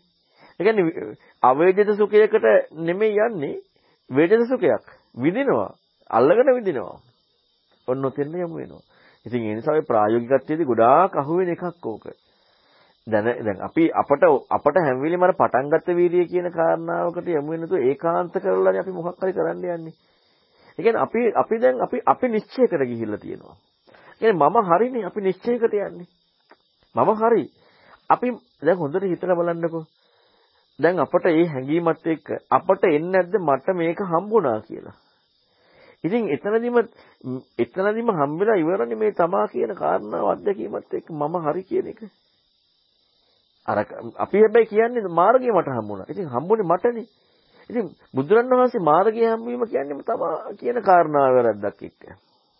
මාර්ගය හම්බවීම කියන්නේ. එතකොට බලන්න එහෙනම් අපට මේ මේ ඒකයි මේකට බුදුරණවහන්සේ නිකන් නෙමෙයිනේ කියන්නේ අස්ලෝමයක් 100කට පළල ඈතක එවැනි එකකින් විදිනවා වගේ තීක්ෂණ බව. අසාමාන්‍ය තීක්ෂණ බවක් අවශ්‍යයි. ඒ තීක්ෂණ බව අපි තුල දියුණු වෙන්නට ඕනේ. ඒක දියුණු වෙනකොට තමයි අපට ඒ තීක්ෂණ බවත් එක්ක මේ ඊතරන මාර්ගයේ විශ්මතු වෙන්නේ. නැත්තම් අහු වෙනවාමයි. චිරවන් සරණයි. සරණ තනහස අයනක් මේ භාගතුන් දේශනාවක් බලනකොට තමයි දැන් ඔබ දැන් පිටකට කරන සත්තාරෝචක මහා ආදාය රූපං කියලා. ආ භූත සතර මහා භූත උපාදාය රූපත් කියලා විස්තර වෙන්නේ. සායනතර දැන් ඔබ වහන්සේගේ අර පැහැදිලි කිරීම සතර මහා භූත උපාදාය රූප කියන එක චුට්ටක් හරි තේරුම් ගන්න පුළුවන් සායනත. සතර මහා භූත කියන එක රූපය කියන එකම කොහොමද සායනත පැහැදිලි වෙන්නේ? ඊට පස්සේ තෙරුවන් සරණයි. මොකද අපි ඔක කලින් කතා කරා මම කීපයකම ඒ කියන්නේ අර උපාදාය රූප කියන කාරණාව කොහොමද අර මේ මේ ආයතන කියන්නේ ඔය ඔතන ඔතන මුලින්ම පැහැදිලි කරලා පෙන්වන්නේ ප්‍රකටත්වයනේ. ප්‍රකටත්වය පැහැදිලි කරලා පෙන්නන්නේ. ඒතර ප්‍රකටත්වය පැහැදිලි කරනකොට ප්‍රකට කාරණාව හම්බ වෙන්නට ඕනේ. ප්‍රකට කියන එක. ඒතර ප්‍රකට වෙන්නේ දැන් අපි හිතමු අපිට ප්‍රකටත්වය මොකෙන් හරි එනවනම් ඒ ඒ ප්‍රකට වෙන කාරණා තමයි හතර මහා ධාතු හතර මහා උපාදාය රූප. ඊළඟ හතර මහා ධාතු හොයාගෙන යන එකනේ ධාතු ස්වභාවය හොයාගෙන යන්න තියෙන්නේ. අතන පෙන්වන්නේ මේ මේ මේ ප්‍රකට වෙන කාරණා හොයන එකනේ. එතකොට දැන් ප්‍රකට වෙන කාරණාවත් ගතියත් එක්කනේ හම්බෙන්නේ. එතන ගතිය ගතිය කියන කාරණාව තද තද ගතිය තද ගතියනේ පටවි කියන්නේ. ආපෝ ගතියනේ මේ මේ ආපෝ කියන්නේ. එතකොට මේ ගතිය හම්බෙන එකනේ. එතකොට ගතිය හම්බ වෙනවා ගතියක් ඇහැට හම්බෙන්නේ නැහනේ. එතකොට දැන් මේක දෙකක් හැටින විග්‍රහ කරලා පෙන්වන්නේ ප්‍රකටත්වයේදී ගෝචර වෙන එක. හැබැයි ඊළඟට ධාතුව නෙමෙයි නෝ කියන්නේ. ප්‍රකටත්වය හම්බෙන එක. රූපේ බව හම්බෙන එක. ධාතුව හම්බෙන එක තමයි පැහැදිලි කරන්නේ මේ අර සත් උපාදින රූපේ හැටියට. නැත්නම් මේ කක්කලං කරිකතං උපාදින්නම් හැටියට. දැන් අතන මූලික කාරණාවෙදි පෙන්නනවා හතර මහා ධාතු කියන කාරණාව එකෙන් පලා යන්නනේ මේ හදන්නේ පලා යන්න හදනවා. හැබැයි Tamanට සැප කැමති නිසා. ඊළඟට අර රෝග පීඩා මේ සියල්ලක්ම පැහැදිලි කරනවා. අතන රූපය පැහැදිලි කරනකොට රූපය කියන එක. ඒක තවදුරටත් හොයන් යනකොට තමයි මේ ධාතු කියන්නේ. ධාතු හොයන් යනකොට අන්න හම්බ වෙනවා. උපාදානෙන් හට ගන්නවා කියන කාරණාවත් එක්ක. තේරුම් සනද එතනදී අර අපි අර මානසිකාරයෙන් එතන නතර වෙන ස්වභාවයත් එක්ක එතනදී සවන්නස ඒ කියන්නේ යෝනසම දැන් කාමයන් යටපත් කරලා තියෙන එතකොට සවන්නස එතනදී යෝනසම මානසිකාරයකට යොමු නැත්තම් ඒ කියන්නේ වැඩිපුර ඉඩක් තියෙන නිසා අපිට වැඩිපුරම ඉඩක් තියෙන්නේ මේ ඒක බහු භාවිතා බහුලී කතා කරනවත් එක්ක ගනක රූපාරූප බවට යොමු වෙන්න තමයි වැඩිපුර ඉඩක් තියෙන නිසා නේද එතනදී ඊළඟට රූප අරූප අසඤ්ඤ ඔය ඔක්කොටම මොකද මේ දැන් අපි ගොඩාක් කාට හිතන්නේ නැහැ මේ රූප අරූප නැත්නම් අසඤ්ඤ කියනකොට අපිට මේ නිකන් සමාපත්තියක් නේ මතක් වෙන්නේ. නමුත් මේ සෑම දෙයකටම ධර්ම විනයක් තියෙනවානේ. එතකොට මේ ධර්ම විනයක් කියන්නේ අධ්‍යක්ීම අධ්‍යක්ීම් ලෝකයක් එක්ක වැරදි බව හම්බෙන එකක් මේ රූපේ වැරදි නිසා අරූප වෙනවා අධ්‍යක්ීමේදී. අසඤ්ඤා වැරදි නිසා අසඤ්ඤාවට අසඤ්ඤයට යනවා. එතකොට ඒක මේ අධ්‍යක්ීමෙන් ලබන විමුක්ති මාර්ගයක්. එතකොට මේ ඒකත් මේ ප්‍රායෝගිකවම හම්බෙන එකක්. සංකල්පයක් නෙමෙයි. ප්‍රායෝගිකව හම්බෙන එක. ඒකනේ අර බුදුරණවහන්සේ බෝධිසත්ව කාලේදී පෙන්නන්නේ ආලකාරා මුද්දකරා පුත්ලාගේ ධර්ම විනය ඉගෙන ගත්තා කියලා. ඊට පස්සේනේ භාවිතා කරන්නේ. ඒතකොට ධර්ම විනය තුළදී කියලා දෙන්නේ තමන්ගේ ජීවිතය ගැන එකක් නේ කියලා දෙන්නේ. එතන වෙන වෙන මොකකින්ද ධර්ම විනය ඉගෙන ගන්න තියෙන්නේ? තමන්ගේ ජීවිතය ගැන කියලා දෙන්නේ. ජීවිතේ ස්වභාවය කියලා දෙන්නේ. මෙන්න මේකයි ජීවිතේ ස්වභාවය. එතකොට ජීවිතේ ස්වභාවය කියලා දෙනකොට ඇත්තක් කියලා දෙන්නේ. ඒ ඇත්ත භාවිතා කරනකොට අන්න අර මේ මේ ඒ කරා යමු වෙනවා. ඉතින් ඒ නිසා අනිවාර්යයෙන්ම මේ ඒ මේ ලබන ඒ කියන්නේ ඒතනදී ලොකු සැනසෙල්ලක් හම් වෙනවානේ. ඔන්න ඔය විදිහටම රූපී බව ඉක්මවීම, සංඤී බව ඉක්මවීම මෙන්න මේ කාරණාව ප්‍රත්‍යක්ෂ හැටියට ලැබෙනවා. හැබැයි අපට හැඟීමක් නැහැ. ඉතින් හැඟීමක් නැති වුණාට දැන් අර උදාහරණ ගණනාවක්ම තියෙන්නේ. මේ මේ අකමැත්තෙන් එළදෙනගේ තනබුරුල්ලෙන් කිරි අදිනවා. මට කිරියෙන්න එපා මට කිරියෙන්න එපා කියලා අදිනවා. ඒත් කිරි එනවනේ. ඇයි එන්නේ? කරන වැඩේ නිසා. එතකොට අපි මට අසඤ්ඤේ එපා මම අසඤ්ඤ නෙමෙයි වඩන්නේ කිය කිය අපි අපට පේන ඇත්තක් වඩනවා. වැඩෙන්නේ අසඤ්ඤේනේ. අපි අපට පේන මේ ඇත්තක් වඩනවා. වැඩෙන්නේ අරූපේනේ. හැබැයි අපි කැමතිනේ අරූපෙට යන්න. අපි කැමතිනේ අසඤ්ඤයට යන්න. නමුත් වැඩෙන්නේ ඒකනේ. ඒක වැඩනව නම් ඒ ප්‍රතිඵල ලැබෙනවා. එතකොට එහෙනම් ඒ ගොඩාක් වෙන්නේ අන්න ඒකත් එක්ක රැවටෙනවා. ඉතින් මේක ඇත්තටම මේ මේ මේක අපට මේ මේ එකම දේ මේ ධර්මයේ කියන කාරණාවෙහි අති අති සූක්ෂම දෙයක් අතිම සූක්ෂමයි. මොකද මේක මේ ලෝකයට ගෝචර නොවන එකක්නේ. ඒකනේ බුදුරන් වහන්සේ ධර්ම දේශනා කරන මන්දෝත්සාහයනේ. දැන් බලන්නකො බුදුරන් වහන්සේ ධර්ම දේශනා කරන මන්දෝත්සාහය වුණේ මේක කවුරුනම් තේරුම් ගනීද කියලානේ. අතක්ඛාවචර දුද්දස දුනි දකින්න අමාරු. ගම්බිහිර ලෝකෝත්තර ශුන්්‍යතාපට සංයුත්ත ඊළඟට බුදුරණවහන්සේ ඇයි දේශනා කරේ? අන්න ඒක බලන්න ඕනේ. ඇයි දේශනා කරේ? සාමපති ධම්මරාජය ආරාධනා කරපු එක එකක්. හැබැයි ආරාධනා කරේ ඵලියට නෙමෙයිනේ කරේ. බැලුව ලෝකෙ දිහා. බලනකොට දැක්කා ප්‍රඥාවන්තයෝ ඉන්නවා. ඒ නිසායි දේශනා කරේ. ප්‍රඥාවන්තයන්ට දේශනා කරේ. එතකොට එහෙනම් මේ ධර්මයේ වැදගත්කම තියෙන ඒකත් එක්ක. එහෙනම් බලන්න අනිවාර්යෙන් කොච්චර අවශ්‍ය වෙනවද අපි තුලේ හැකියාව වර්ධනය වීම. ඒ හැකියාව වර්ධනය නොවන තාක්කල්ම අපට අනිවාර්යෙන් අර වගේ වෙන දෙයකට යමු වෙනවා. තෙරුවන් සරණයි. සන්නාස දැන් අපිට තේරෙන විදිය කියන්නේ මේ අවිද්‍යාව සාගත විදිය අපිට තේරෙන්නේ අරමුණත් එක්කනේ අපේ ජීවිත අධ්‍යක්ෂ වෙනස් වෙන්නේ. ඔය පවත්තන් උත්සාහ කරන අධ්‍යක්ෂින් ඉවත් වෙනවා. ඒ වගේම එකක්ද මේ රූප රූප අධ්‍යක්ෂින් කරා යොමු වෙන්නේ. ඊට සරණයි. රූපාරූප අධ්‍යක්ීම් කරා යොමු වෙන්නේම සම්පූර්ණයෙන් ආයතන ලෝකයේත් එක්කමයි. නැත්නම් ආයතන ලෝකය කියන්නේ ඇත්තටම රූප අරූප අසඤ්ඤය. මේ සෑම මේ ඔක්කොම ලෝකයේ පැවැත්මනේ. දැන් අපි ගත්තොත් සලායතන කියන්නේම ලෝකේ. ඒ සලායතන පැවැත්ම. එහෙනම් සලායතන පැවැත්මක් එක්කම අපි දඟලන දඟලිල්ලක් එක්ක අපි ඇත්තකට යනවා නම් සලායතන පැවැත්මක් එක්ක සලායතන කියනකොට ඇත්තටම පහක් නැතුව හයවෙනි එකත් එක්ක ආයතන මන ආයතනත් එක්කනේ ඔක්කොම වෙන්නේ.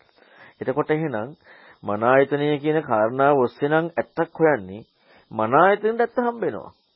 මන ආයතනයට හම්බෙන ඇත්ත රූපය වැරදි. සංඥා වැරදි. මේක මන ආයතනෙට හම්බෙන ඇත්ත. ප්‍රඥාවට හම්බෙන ඇත්ත තමයි මේ සියල්ලංගෙම ඊතර වීම. අතනදී හම්බෙන්නේ මන ආයතනෙට හම්බ. මේක බොරුවක් නෙමෙයි. ඒක ඇත්ත. ඒක සම්පූර්ණයෙන් ඇත්ත. ඒක ඇත්තන් නිසා මේ ලෝකයක් හම්බෙන්නේ. ඒ ලෝකයක් තියෙන්නේ ඒකනේ. නැත්නම් බොරුවට දැන් මිනිස්සුෙකුට බොරුවට මේ මේ එහෙම වඩාගෙන ගිහිල්ලා ඉතින් මේ ලෝකෙට යන්න බෑනේ. ඒක ඇත්තක් නිසා. දැන් අපි පොඩි දෙයක් හිතලා බලන්නකෝ. දිවි ලෝකේ යන්නේ. දිව්‍ය ලෝකයන්ද අපි අපි මනුස්ස ලෝකේ දිව්‍ය ලෝකයන්නේ පින කියන එක සත්‍යයක් නිසානේ යහපත් ක්‍රියාව කරොත් යහපත් ප්‍රතිඵල ලැබෙනවා. මේක ඇත්තක්නේ. ඒතර මේක කොච්චර ඇත්තක්ද? මේක විශාල ඇත්තක්නේ. මේක ලෝකයේ ඇත්ත. මේක බොරුවක් නෙමෙයිනේ. ඉතින් මේ ඇත්ත ඔස්සේ අපි කටයුතු කරනකොට අපට ඒක ප්‍රතිඵල ලැබෙනවනේ. දිව්‍ය ලෝකයේ වගේ දාරූප රූප සමාධි සහ අසඤ්ඤ කියන එක. ඊට ඉහළ ඉහළම තියෙන බ්‍රහ්මතල. ඉහළම සත්‍යය. අර මේ අර අර සත්‍යයක් වගේ එකක් නෙමෙයි ඊටත් ඉහළ සත්‍යයක්. එතකොට ඒ සත්‍ය ඔස්සේ යනකොට ඒ ලෝකෙට යනවා. හැබැයි ඒක බොරුවක් නෙමෙයි. මේතන අපි ඊතර වීම කියන එක හම්බෙන්නේ නැතුව මෙතන ඉඳලා ඇත්තක් හොයනකොට ඒ ඇත්තට අපි පටිසමුපාද කියලා නම් කරයි. ඒ ඇත්තට අපි සංඛාර කියලා නම් කරයි. ඒ ඇත්තට අපි ආයතන කියලා නම් කරයි. ඒ ඇත්තට පංචීපාස්කන්ධ කියලා නම් කරයි. හැබැයි ඒ ඇත්තට අපිමයි නම් කරන්නේ. ඒ ඇත්ත හම්බෙන්නේ මෙතනමයි. ඒ ඇත්ත හම්බෙන්නේ ලෝකෙමයි. ඒ ඇත්ත හම්බ වීම නිසා ඒ ලෝකෙට යනවා. හැබැයි බුදුරණවහන්සේ පටිච්ච සමුප්පාදය කියලා පෙන්වන්නේ පංචපාස්කන්ධය කියලා පෙන්වන්නේ ධාතු ආයතන කියලා මේක පෙන්වන්නේ යෝනිසෝ මනසිකාරේ මෙතන ඇත්තක් හම්බෙන්නේ මෙතනින් ඈතර වෙන්න. මෙතන ඇත්තක් හම්බෙන්නේ මෙතනින් ඈතර වෙන්න. ඒතකොට මෙතනින් ඈතර වීමයි මෙතන ඇත්ත කොයි කියන්නේ දෙකක්. මෙතන ඇත්තේදී අපට ඒ ඇත්ත රදාන් ලෝකයකට යනවා. මෙතනින් ඈතර වීමේදී ඈතර වෙනවා නිවෙනවා. ඉතින් ඒ නිසා මේක හරිම සූක්ෂමයි, හරිම සියුම්. අහුවෙන්නමයි ඉඩ තියෙන්නේ. ඊට සරණයි. ඊට සරණයි මේ අර හිස් ගම කියන එකෙන් ස්වාමීන් වහන්සේ එතන දැන් අර මේ බුදුහාමුදුර හැම වෙලාවෙම පෙන්වන්නේ අර තමන්ගේ පැත්තෙන් ආත්මය සහ ආත්මයටදී හිස් කියන එක දැන් අපි ඔය කරන ප්‍රතිපදාවක අපි දැන් බාහිර එක අයින් කරලා බාහිරෙන් හිස් එකක් නේ හම්බෙන්නේ. ඉතින් එතන ඇහැ දැන් පේන රූපේ හරි ශබ්දේ හරි මොකේ හරි වැරද්ද හොයපුවාම කියන්නේ හරියට වෙනව නෙමෙයි. ඒක අතහැරියාම ඉතින් රූපේ අතහැරිච්ච තැන ඇහැ කතා කරන්න බෑනේ. ඒතකොට අපි එළිය පැත්තෙන් අතහැරලා ඇහැ නැති කරලා තියෙනවා කොහොම හරි. එන්නේ මම කියන්නේ සමාපත්තියටම ගියොත් මේ එළිය පැත්තෙන් අතහැරලා ඒකට සාපේක්ෂව මේ කන නැති කරලා දෙනවා. එතකොට බුදුහාමුදුරුවෝ පෙන්වන්නේ එහෙම නෙමෙයි හැම වෙලාවෙම බුදුහාමුදුරුවෝ තමන්ගේ පැත්තෙන් හිස් කියන එක ආත්මය සහ ඒකට මේ එතකොට සම්පූර්ණ පැති දෙක වෙනස් නේද යන අරුපයට ගියත් යන පැති දෙක ඔව් ඇත්තට මේක තමයි. පැති දෙක සම්පූර්ණයෙන් වෙනස්. ඒ කියන්නේ පිටින් දැන් අපි ඇහැ හිස් කියන්නේම රූපයත් එක්ක. කන හිස් කියන්නේම සද්දයත්. ඒ කියන්නේ ශුන්‍යයි කියලා කියන්නේ රූපයෙන් මිසක් ශුන්‍යයි දැන් අපිට ඇහැ නැති වුණාම රූපයෙන් ශුන්‍ය බවත් එක්ක ඇහැ නැහැ කියලා හම්බෙන්නේ. ආත්මයෙන් ශුන්‍ය බවත් එක්ක නෙමෙයිනේ. ආත්මයෙන් ශුන්‍ය බවත් එක්ක හම්බ වෙවිත්තක් මිසක් ආත්මයෙන් ශුන්‍ය බව හම්බ වෙන්නේ අපි හිතමු සෝතාපන්න කෙනෙක් රහත් වෙන්නේ නැතුව ආත්මයෙන් ශුන්‍ය බව හම්බ වෙනකොට රූප පේන්නේ නැතුව වෙන්නේ නැහැ. රූප පේන්නේ නැතු වෙන්නේ නැහැ. සද්ද ඇහෙන්නේ නැතු වෙන්නේ නැහැ. ආත්මයනේ ශුන්‍යයි. ඒ ආත්මයේ ශුන්‍ය බව දකින්න එක වෙනම කෝණයක්. දැන් දැන් අපිට අපිට පේන කාරණාව තියෙන්නේ රූපයෙන් ඇහැ ශුන්‍ය වුණාම කියන කාරණාව. සද්දයෙන් කන ශුන්‍ය වුණාම කියන කාරණාව. හැබැයි ආත්මයෙන් ශුන්‍ය වෙලා ආත්මයේ ශුන්‍ය බව ප්‍රත්‍යක්ෂ වෙනකොට එකක් කතා කරන්න බෑ. ඒ කියන්නේ සමුදය ආත්මයෙන් ශුන්‍ය බව හම්බෙන්නේ සමුදය දැකීමෙන්නේ. සමුදය දැකීමෙන් නෑ කියන්න බෑනේ. සමුදය දැකීමෙන් නෑ කියන්න බෑනේ නැති වෙන්න බෑනේ. නිරෝධය දැකීමෙන් තියනවා කියන්න බෑනේ. මෙන්න මේ දෙකම ඉක්මවනවා. එතකොට දැන් අපි රූපයෙන් ශුන්‍ය වුණාම ඇහැ නැති වුණකොට දැන් කාම නැති වෙන්නේ ඒ විදිහට. හැබැයි එතකොට මනසට ධම්මාරම්මණයක් එක්කයි නැතිලා තියෙන්නේ. රූපයෙන් ඇහැ ශුන්‍යයි. සද්දයෙන් කන ශුන්‍යයි. දැන් අත්යෙන් ශුන්‍ය නැහැ. අත්යෙන් ශුන්‍යයි කියලා දකිනකොට ඒ දැකීමේදී අර මේ තව එකක් තියෙනවා කියන කාරණාව නෙමෙයි. ඊළඟට නැති වෙනවා කියන කාරණාවක් නෙවෙයි. නැති වෙන්න තියෙන එකක් නේ. නැති වෙන්න තියෙන එක. ඒකයි නෑ කියන දෘෂ්ටි නැත්තේ. නෑ කියන දෘෂ්ටිය නෑ. තියනවා කියන දෘෂ්ටියක් නෑ. නැති බව හම්බෙලත් නෑ, තියෙන බව හම්බෙලත් නෑ. නැති බව හරි තියෙන බව හරි හම්බුනොත් දැන් නෑ කියන කාරණාවක් ශුන්‍යත්වයෙන් එක නෑ කියලා හම්බුණා නම් නැති වෙන්න තිබ්බ දෙයක් නේ. එතකොටම ගිහිල්ලා ඉවරනේ තිබිච්ච දේ නෑ කියලා. ශුන්‍යත්වය කියන්නේ ඒක නෙමෙයි.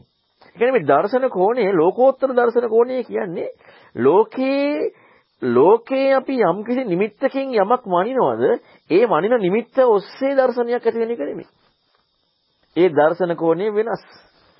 ඒ දර්ශන කෝණය ඊතර වීමක්. ඒ දර්ශන කෝණය අසාමාන්‍ය අද්විතීයයි ආශ්චර්යයි අద్භූතයි පෙර නොවැසූ විරෝධයක්. ඒක අසාමාන්‍යයි. ඉතින් ඒ නිසා අර ක්‍රමයට තමයි ලෝකේ අර අපි ඉතින් රූපයේ ඒ ඇහැ අනිත්‍ය වශයෙන් බලන්න රූපය අනිත්‍ය වශයෙන් බලන්න මේ මේ මේ ඒක බලන්න යන්නේ පංචපාස්කන්ධ වෙන්න පුළුවන්. පටිසමුප්පා ඒ ඒ අපි ඉගෙනගත්ත වචන ටික නෙමෙයි ඒ ඒ දැනුමන්නේ. මාර්ගය කියන්නේ දැනුම නෙමෙයිනේ. ඒ දැනුමෙන් අපට හම්බ වෙනවා මේ මනස එක්ක ඉද්දිම හම්බ වෙනවා ඒ කාරණාවෙන් හිස් කියලා. අත්ෙන් ශුන්‍යයි නේ මේ කරුණෙන් හිස් කියලා. අත්ත බව මේ බව හම්බෙලා ශුන්‍ය බව මේ බව හම්බෙලානේ. ඒ බව හම්බුන නිසා නිර්වචනය හම්බෙන්නේ. ඉතින් ඒ නිසා ඔතන හරිම සූක්ෂම සියුම් තැනක් මේ ඊතර වෙනවා කියන කාරණාව. තෙරුවන් සරණයි.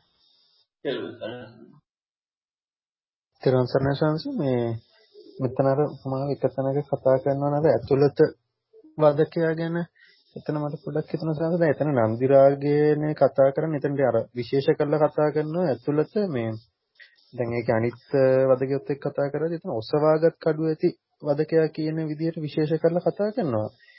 එතන සංස පොඩ්ඩක් පැහැදිලි කරගන්න පුළුවන්ද දැන් ඒ දැන් අර දිට්ඨි සම්පන්නට එහෙම නැත්නම් යෝනිසෝ මනසිකාරයට නන්දිරාගය හමු වෙන්නේ මේ මේ පංච උපාදානස්කන්ධයත් එක්කද සහ ඒක නිකන් අර වෙන පරයාල විස්තර කරනවා වගේ පංච උපාදානස්කන්ධය කියලාදී චන්දරාගය වගේ ස්වභාවයකින්ද ඒ යෝනිසෝ මනසිකාරයට හම් වෙන්නේ පොඩ්ඩක් ඒ ඒ කොටස විස්තර කරන්න පුළුවන් සර් තෙරුවන් සරණයි. පංචපාස්කන්ධවල චන්දරාගය කියන හැම වෙලේම පටිසමුපාද න්‍යාය දැකීමයි නිවීමයි හම්බ වෙන්නේ. පංචපාස්කන්ධයේ චන්දරාගය කියලා දකිනකොට. මොකද සකස් වෙච්ච පංචපාස්කන්ධය කියනම සකස් වීමක් හම්බෙලා සකස් වීමට චන්දරාගයත් එක්කනේ. එතකොට එතන සම්පූර්ණයෙන් අරහත්ත්වයට එක්ක කතා කරන්නේ. මොකද එතකොට තිතියක් කියන්නේ පැවැත්මක් එක්කනේ. ශේඛයාගේ දැක්මත් එක්ක. හැබැයි පංචපාස්කන්ධය හටගන්නේ තණ්හා ඒකෝට ඒකට ස්ථිර බවක් හම්බෙන්නේ නැහැ. පංචපාස්කන්ධය කියන කාරණාවක ස්ථිර බවක් හම්බෙන්නේ අන්න එතකොට එතනදී දැන් මෙතන ඇතරම මේ පැහැදිලි කරලා පෙන්නන්නේ ඒ දක්වා මේක හොයාගෙන යනකොට සෝතාපන්න මාර්ගයේ වැස ගන්නවා කියන කාරණාවත් එක්කනේ. අතනදී පෙන්නන්නේ අරහත් වීමමයි. පංචපාස්කන්ධ චන්දරාගෙන්. එතකොට අවිද්‍යාව ආශේෂ විරාග නිරෝධයත් එක්ක කතා කරන්නේ. සමාධි භාවනා සූත්‍රය සූත්‍ර ගණනාවකම කතා කරන්නේ ඒක අරහත් විපත් වීමමයි. මේකෙදි හම්බ වෙන්නේ චන්දරාගය කියන්නේ පංචපාස්කන්ධයේ ස්ථිරත්වය කියන්නේ පංචපාස්කන්ධය කියන එක හොඳට හෙවීම. පංචපාස්කන්ධය කියන කාරණාව මොකද්ද කියලා හොඳට වැටහීම. මෙන්න මේ කාරණාව හෙවීම. එතකොට ඒකේ චන්දරාගය කියන්නේ කොච්චර ඒක හොයාගන්න බැරි ඇතුළතම තියෙන එක. ඇතුළතම කියන කාරණාව පෙන්වන්නේ හොයා අල්ලගන්න බැරි කියන කාරණාවත්. ඒ කියන්නේ හොයාගන්න බැරි. එච්චරට මේ කාරණාව එක තමයි මේ මේ මේ ස්කන්ධයන්ගේ සකස් වෙන තම තණ්හාව හේතු වෙන්න කතා කරන්නේ. ඒක එච්චරටම හොයාගන්න අමාරුම එකක්. මොකද ලෝකයේ මට්ටමින් ඒක හොයාගන්න පුළුවන් Tamanට තේරෙන එකත් එක්ක මේක ඇතුලෙන් තියෙන එකක් මිසක් Tamanගේ නෙමෙයි. දැන් අපි තණ්හාව කරනකොට තණ්හා Tamanගේනේ. මේ ඇතුලෙන්ම තියෙන එකක් කියනකොට ඒක ඇත්තටම මේ ඒවා ඉබේ නෙමෙයි. මොකද ඒකට අවිජ්ජාව හේතුව තියෙනවනේ. අනවබෝධයේ හේතුව. ඉතින් ඒ නිසා මේ අරහත්ත්වයටපත් වෙන කාරණා හැටියට නැතුව සෝතාපන්න වීමේදී මේ හේතුව හොයන කාරණා දැන් අපි ගත්තොත් මේ මේ උක්කන්ත සංයුත්තේ ඔය ඔය පංචමාස්කන්ධ ගැන කියන රූපය අනිත්‍ය සද්දය ඊළඟට වේදනා අනිත්‍ය සද්දා ඒක අනිත්‍යයි කියලා හේතුව හම්බ වීමත් එක්කනේ එහෙනම් ඒකේ හේතුව හම්බ වීම කියන එක එතකොට ඒක එතකොට නම් පංචමාස්කන්ධේ තේරුම් ගන්න. අතනදී හම්බෙන්නේ හටගත්ත දෙහි අතුරින් පිළිගන්න නැතුව ඉතර වෙනවා. ඒක හටගත්ත බවක් එයාට හම්බෙලා. හට ගැනීමක් කියන කාරණාව හම්බෙලා. ඒ නුවණත් එක්ක හතුරින් නොපිළිගන්නේ. අතුරින් නොපිළිගැනීමේ මාර්ගයේ නිවීම දක්වා යන්නේ. තෙරුවන් සරණයි. තෙරුවන් සරණයි සංස මේ එතන නන්දි රාගය සහ චන්ද රාගය කියන වචනාර්ථයෙන් ගත්තොත් ඒ දෙක නිකන් සමාන අර්ථයක්ද තියෙන්නේ නැත්නම් ඒක පරයයට අනුව වෙනස් වෙන්න පුළුවන්ද සංස? ඒ පරයයත් එක්ක යර්ථي. ඒ කියන්නේ ඒක මේ නන්දි සතුට ඡන්ද කැමැත්ත. ඉතින් ඒ නිසා පරයයත් එක්ක ඒකේ හැමතැනම එක එක විදිහට යෙදෙනවා. මේ වෙන විශේෂාර්ථයක් එකට ගන්න බෑ. පෙරුවන් සරණයි ස්වාමීන් වහන්සේ දැන් දස සංඥාවේදී මේ පුළුවන් පංච උපාදානස්කන්ධයේ අනිත්‍ය සංඥාවයි ආයතන වල අනාත්ම සංඥාවයි. මේ මේ මේ දෙකේ මොකක් හරි සුවිශේෂත්වයක් තියෙනවා ස්වාමීන් වහන්සේ මේ මේ දෙක දකින්න පෙරුවන් සරණයි. පෙරුවන් සරණයි පංචීපාස්කන්ධයේ එකක් කතා කරනකොට ඇත්තටම මූලිකව කතා කරද්දී අනාත්මය කියන එක කතා කරනවා. මේ කියන්නේ අපි ගත්තොත් මේ අනත්ත ලක්ෂණ සූත්‍රයේ හම්බ වෙච්ච හම්බ වෙච්ච සංස්කාරේ හම්බ වීමත් එක්ක මොකද මේ අනාථපිණ්ඩික කවුද? පංචවග්ගයෙන් කතා කරන්නේ අනාත්මේ. නැත්තම් අනාත්මයේ කිසි වෙලාවක කතා කරන්නේ නැහැ දැක්මේදී. දැන් රස සංඥාව කියන්නේ මේ මේ ඉරිමන සූත්‍රය පැහැදිලි කරන්නේ එක ක්‍රමයේ තියෙනවනේ. පච්චවේක්කති කියන එකක් තියෙනවා. ඒක කල්පනා කිරිල්ලක් එක තියෙන්නේ දකින්නවා කියන කාරණාව කතා කරනකොට යමක් ඉස්මතු කරලා පෙන්වන්න බෑ අනාත්මය. දකින්නවා කියනකොට. හැබැයි ප්‍රත්‍යවේක්ෂා කරනවා කියනකොට යමක් ඉස්මතු කරලා පෙන්වන්න පුළුවන්. ඒතකොට දැන් අනත්ත ලක්ෂණ සූත්‍රයේදී ඒ ඉස්මතු කරලා පෙන්වන කාරණාවක් තියෙනවා ඒ මේ සෝතපන්න වෙච්ච අයත් එක්ක. මේ රූපය අනාත්ම, වේදනා අනාත්මයි, සංඥා සංකාර විඤ්ඤාණ අනාත්මයි කියලා. එතකොට එතන ඇත්තම මේ අනාත්මයි කියන කාරණාව පෙන්වන්නේ මොකද ඉස්සල්ලාම හම්බෙන කාරණාව අධ්‍යක්ීම කියන එක අනිත්‍යත් එක්කනේ. අත්දැකීම අනිත්‍යයත් එක්ක. අනිත්‍යයත් එක්ක හොයාගෙන තමයි අනාත්මය කියන කාරණාව හම්බෙන්නේ. දැන් රස සංඥා සූත්‍ර දස සංඥාව ගිරිමානන්ද සූත්‍රය කතා කරද්දී පංචීපාස්කන්ධය තමයි හරියටම අනිත්‍ය වශයෙන් හොයාගන්න යන තියෙන කාරණාව. හැබැයි මේ මූලික හොයන කාරණාවත් එක්ක නේ මේකත් ඒකත් නුවණින් විමසීමනේ අතන අනත්ත ලක්ෂණ සූත්‍රය පැහැදිලි කරන හොතපන්න වෙච්ච කෙනාට ඒ ඒ සංස්කාරය කියන කාරණාව තමන්ගේ අත්දැකීමත් එක්ක හොයාගෙන යනකොට මෙතනදී පැහැදිලි කරන්නේ නෑ එහෙම එක. මොකද මෙතන වෙනම පැහැදිලි කරනවානේ සබ්බ සංකාර සනිච්ච සංඥා කියලා හේකුත්. එතකොට එතනදී පැහැදිලි වෙන්නේ සම්පූර්ණයෙන් මෙතර වීම දැකීමත් එක්ක ඊතර වීම කියන කාරණාව. මෙතන ප්‍රත්‍යවේක්ෂා කියන කාම ඉතිපට සංචික්කති කියලා කතා කරන්නේ. එතකොට ඉතිපට සංචික්කති කියනකොට අත්දැකීම කියන කාරණාව හොයාගෙන යනවා. අත්දැකීම කියන කාරණාව හම්බෙන්නේ ඇහැ කියලා නෙමෙයි. ඇහැ කවදාවත් හම්බෙන්නේ නැහෙනේ. ඇහැ හම්බෙන්නේ අපේ මනස අරමුණක් හැටියටනේ. ඇහැ කියන කාරණාව. ඒ කියන්නේ ඇහැ ඇහැ කියන කාරණාවක් දැන් අපි කවදා රූපේ දකිද්දී අපි හිතනවනේ ඇහෙන් දැක්කේ කියලා. ඇහෙන් දැක්ක කියලා හිතුවට රූපය කියලා කාරණාවක් කියන කාරණාව අපිට හම්බෙන්නේ රූපී බවක් එක්කනේ. ඒ කියන්නේ ඇහැ රූපය කියන්නේ මේක හරියටම හම්බෙලා නැහැ. හැබැයි අපට මේ මේ අරක හොයන්න පුළුවන්. විඳීම හඳුනා ගැනීම සකස් වීම කියන කාරණාව යම් මට්ටමකට අල්ලන්න පුළුවන්. මේ මොකද්ද කියන කාරණාව. ඒකේ ඇත්ත ස්වභාවය තමයි ඉස්සෙල්ලාම අනිත්‍ය වශයෙන් හොයන්න තියෙන්නේ. අනිත්‍ය වශයෙන් බලන්න තියෙන්නේ. දැන් මේ මේ සූත්‍රය අනුව ගත්තාම මේ ආශිසෝපම සූත්‍රේ අර අත්ේනවා අතනියා ශුන්‍යයි කියන කාරණා අනාත්මය කියන එක හොඳට මේක ගැලපෙනවා. මේ ඒ හොයන්න පටන් ගැනීමත් එක්ක හොයන්න ගන්න කල්පනා කරන්න ගැනීමත් එක්ක හැබැයි ඒක මේ අනිත්‍ය සංඥාව නැතුව කවදාවත් හම්බෙන්නේ නැහැ. අනිත්‍ය සංඥාව එක්ක හොයාගන්න තමයි ඒ කාරණාවත් හොයාගන්න තියෙන්නේ. මේ හැබැයි මොකද අනාත්මය කියන කාරණාව හම්බ වෙන්නේ තමාසා තමාචිදෙන් ශුන්‍යයි කියන්නේ තමා කියලා හම්බෙන්නේ පංචීපාස්කන්ධයත් එක්කනේ. තමා කියලා හම්බෙන්නේ. එතකොට පංචීපාස්කන්ධය කියන කාරණාව තමා කියලා හම්බ වෙද්දි පංචීපාස්කන්ධය අනිත්‍ය ස්වභාවය දකිනකොට එහෙනම් අර ආයතනේ ආයතනයේ කියන කාරණාව ඇහැ කියන ඇහැ රූපයත් එක්කනේ විනාශ වෙලා තියෙන්නේ. එතකොට එහෙනම් රූපයත් එක්ක ඇහැ විනාශ වෙන ආකාරය හරියටම දකිනකොට අද්දකින් ලෝකයේත් එක්ක පංචීපාස්කන්ධේ අන්න අනිත්‍ය භාවය හම්බ වෙනකොට අර ශුන්‍ය භාවය තමයි ප්‍රායෝගිකව කරන්න පටන් ගන්නදී කල්පනා කරන්න පුළුවන්කම තියෙන්නේ. හැබැයි කරන කෙනාට හැබැයි අර විදිහටම එන්නට ඕන නැතුව නෙමෙයි. නිකන් නෙමෙයි. අර විදිහටම එන්නට ඕන. කරන කෙනාට දැකපු කෙනාට හම්බෙච්ච කාරණා එකම ඒක ප්‍රඥාව යොමු කිරීමෙන් අනාත්මය කියන කාරණා යොමු වෙන්න පුළුවන්. ඒකපත් ඒකත් මේ මේ මේ මේ යොමු වෙන එකක්. දකින්නකොට මොකද්ද කියන කාරණාව එදෙන්නේ. තෙරුවන් සරණයි. තෙරුවන් සරණයි සමන්න ඒකේ තේරුම දෙන්න පංච උපාදානස්කන්ධයේ අනිත්‍ය දැක්ක කෙනාට තමයි ආයතනයේ අනාත්මය කියන එක දකින්න පුළුවන් නැත්නම් තේරෙන්නේ කියන්නේ නේද?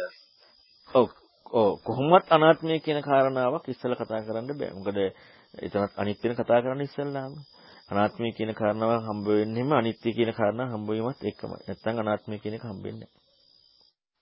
ඊට සන්නසවමනස දැන් මේ පංචවග්ගීය සූත්‍රයේදී රූපය අනාත්මයි කියලා ඊට පස්සේ රූපය ආබාධ පිනිස පවතී මෙසේ වේවා මෙසේ නොවේවා කියලා ලබන්න බෑ. මේකේ තේරුම මොකද්ද ස්වාමීන් වහන්සේ? එතන එතන කරන ආත්ම ඌයේ නම් කියලා කියනවනේ. රූපේ ආත්ම ඌයේ නම් මෙසේ වේවා මෙසේ නොවේවා කියලා පවත්වන්න පුළුවන්. රූපේ අනාත්මයි ඒ නිසා මෙසේ වේවා මෙසේ නොවේවා කියලා පවත්වන්න බෑ. එතකොට අනාත්ම කියන කාරණාවට නෙමෙයි නිර්වචනය දෙන්නේ. ආත්ම ඌයේ නම් ඒ කියන්නේ මම උනේ නම් මගේ කියලා ගන්න පුළුවන්. මම උනේ නම් මගේ කියලා ගන්න පුළුවන්. මම කියන නැත්නම් තමා ඌයේ නම් මෙහෙම මෙහෙම Tamanට කරන්න පුළුවන්. මට කරන්න පුළුවන්. තමා ඌයේ නම් මෙහෙම මෙහෙම Tamanට කරන්න පුළුවන්. තමා නොයුවේ නිසා මෙහෙම මෙහෙම කරන්න බෑ. තමා නොයු නිසා මෙහෙම මෙහෙම කරන්න බෑ. දැන් අපි හිතමුකෝ දරුවා වගේ නම් මට ගහලා හදන්න පුළුවන්. එතකොට තමා නොයුවේ නම් කරන්න බෑ. ඒතර අනාත්මය කියන කාරණාවට නෙමෙයිනේ පැහැදිලි කරන්නේ. රූපය මහණෙනි අනාත්මයි. ඒ නිසා රූපය මෙසේ වේවා මෙසේ නොවේවා කියලා පවත්වන්න බෑ. එතන ඒ පෙන්වන්නේ අනාත්ම නිසා. අනාත්ම නිසා ලබන්න බෑ. ආත්ම උය නම් ලබන්න පුළුවන්. තමා උය නම් ලබන්න පුළුවන්. තෙරුවන් සරණයි. තෙරුවන් සරණයි සම්මත ඒ කියන්නේ අපිට මෙහෙන් පොඩ්ඩක් මේ දවස්වල කියන්නේ රූපය ආත්ම උය නම් දැන් අපිට එහෙනම් කොරෝනා ප්‍රකට වෙන එක නවත්තන්න පුළුවන් වෙන්න ඕනේ මේ වෙලාවේ. කියන්නේ ගෝචරත්වයක් කියන එක. ඔව් අන්න ඒ වගේ තමයි. කියන්නේ ගෝචරත්ව වෙන කාරණාව ආත්ම වූ වෙන නවත්තන්න පුළුවන්. අන්න ඒකයි විස්තර කරන්නේ. ඒ කියන්නේ අනාත්මයේ කුළු ගන්නව නෙමෙයි අනාත්මය ඉස්මතු කරන්න. ඒ කියන්නේ ලෝකේ දැන් Tamanට ඕන විදිහට මේක කරන්න පුළුවන්ද බැයිද කියන කාරණාව වෙන්නේ අනාත්ම නිසා. නැතුව මේ Tamanට ඕන විදිහට පවත්වන්න බෑ කියන එක කීද අනාත්මයි කියන කාරණාව දෙන්නේ නැහෙනේ. මොකද එතනම ආත්මය කියලානේ Taman ඉන්නවා Tamanට ඕන විදිහට පවත්වන්න පුළුවන් පවත්වන්න බෑ. නමුත් Tamanට ඕන Taman කියන කාරණාව නොවන නිසා මෙසේ වේවා මෙසේ නොවේවා කියලා පවත්වන්න බෑ. ඒක ඉස්මතු කරලා පෙන්වනවා කියන්නේ මොකටපන්න වෙච්ච පංචවග්ගියට මේ නිවීම කරා යමු වෙන්න ඉස්මතු කරලා පෙන්නනවා. හොඳයි එහෙනම් අද අපි වටිනා දහම් පරියායක් කතා කරා. ඒ දහම් පරියාය තුළ බුදුරන් වහන්සේවත් උතුම් ධර්මයක් ඒ දහම් ප්‍රතිපදාවේ ගමන් කරන ශ්‍රාවක සංඝයාත් මේ තුනුරුවන ඉස්මතු වුණා. ඉතින් මේ බුදුරන් වහන්සේගේ බුද්ධ අනුභවයේ ඒකාන්තයෙන් සත්‍යයි. ඒ සත්‍යය තමයි දහම තුලින් ඉස්මතු වෙන්නේ. ඒක මේ ලෝකේ කරන්න පුළුවන් දෙයක් නෙමෙයි කෙනෙකුට. කරන්න බැරි දෙයක්. මේ ලෝකේ පෙන්වන්න බැරි දෙයක්, කතා කරන්න බැරි දෙයක්, ඉස්මතු කරන්න බැරි දෙයක්, කාටවත් විශ්ේ නොවන දෙයක් පෙන්වීම බුදුරන් වහන්සේ. ඉතින් මේ පෙන්වපු ධර්මයේ බුදුරන් වහන්සේගේ ධර්මයේ සත්‍යයි. ඒ පෙන්වපු සත්‍ය අනුව කෙනෙකුට ගමන් කරන්න පුළුවන් මාර්ගය ඉස්මතු වෙනවා නම් ඒ සංඝ රත්නේ සුපටිපන්නයි ඒකත් සත්‍යයි ඒ වගේම අමත් මේ අවංකවම බුදුරන් වහන්සේගේ ධර්මයේ මොකද්ද කියලා හොයන්න ඕනේ කියන අදහසින් මේ ධර්මයේ කතා කරන්නේ. මම දන්න දෙයක් කතා කරනවා නෙමෙයි. ධර්මයේ තියෙන්නේ මොකද්ද කියන එකක් කතා කරන්නේ. ඉතින් හැමදාම අලුත් දෙයක් හම්බ වෙනවට මමත් කැමතියි. මොකද මේ ධර්මයේ පරීක්ෂණ කරන්න ඕනේ, ධර්මයේ හොයන්නට ඕනේ. මොනවද මේ බුදුරන් වහන්සේ ඊතරන මාර්ගය කියලා දෙන්නේ කියලා. ඉතින් මේ කාරණාවත් සත්‍යයි. ඒ වගේම අපි කරන මෛත්‍රී අනුභවය සත්‍යයි. ඔයාලා ධර්මයේ අවංකව අහනවා. ඉතින් මේ ධර්ම ශ්‍රවණයෙන් ලැබුණු සතුට පුණ්‍ය ධර්මයන් ඒ වගේම මේ සියලුම සත්‍යානුභවයේ මේ ලෝවැසි සියලු දෙනාට ශ්‍රී ලංකා වාසී සියලු දෙනාට උදා වී තිබෙන මේ වසංගත තත්ත්වයේ දුරු වී සතුටින් වාසය කරන්න හේතු වේවා. තෙරුවන් සරණයි.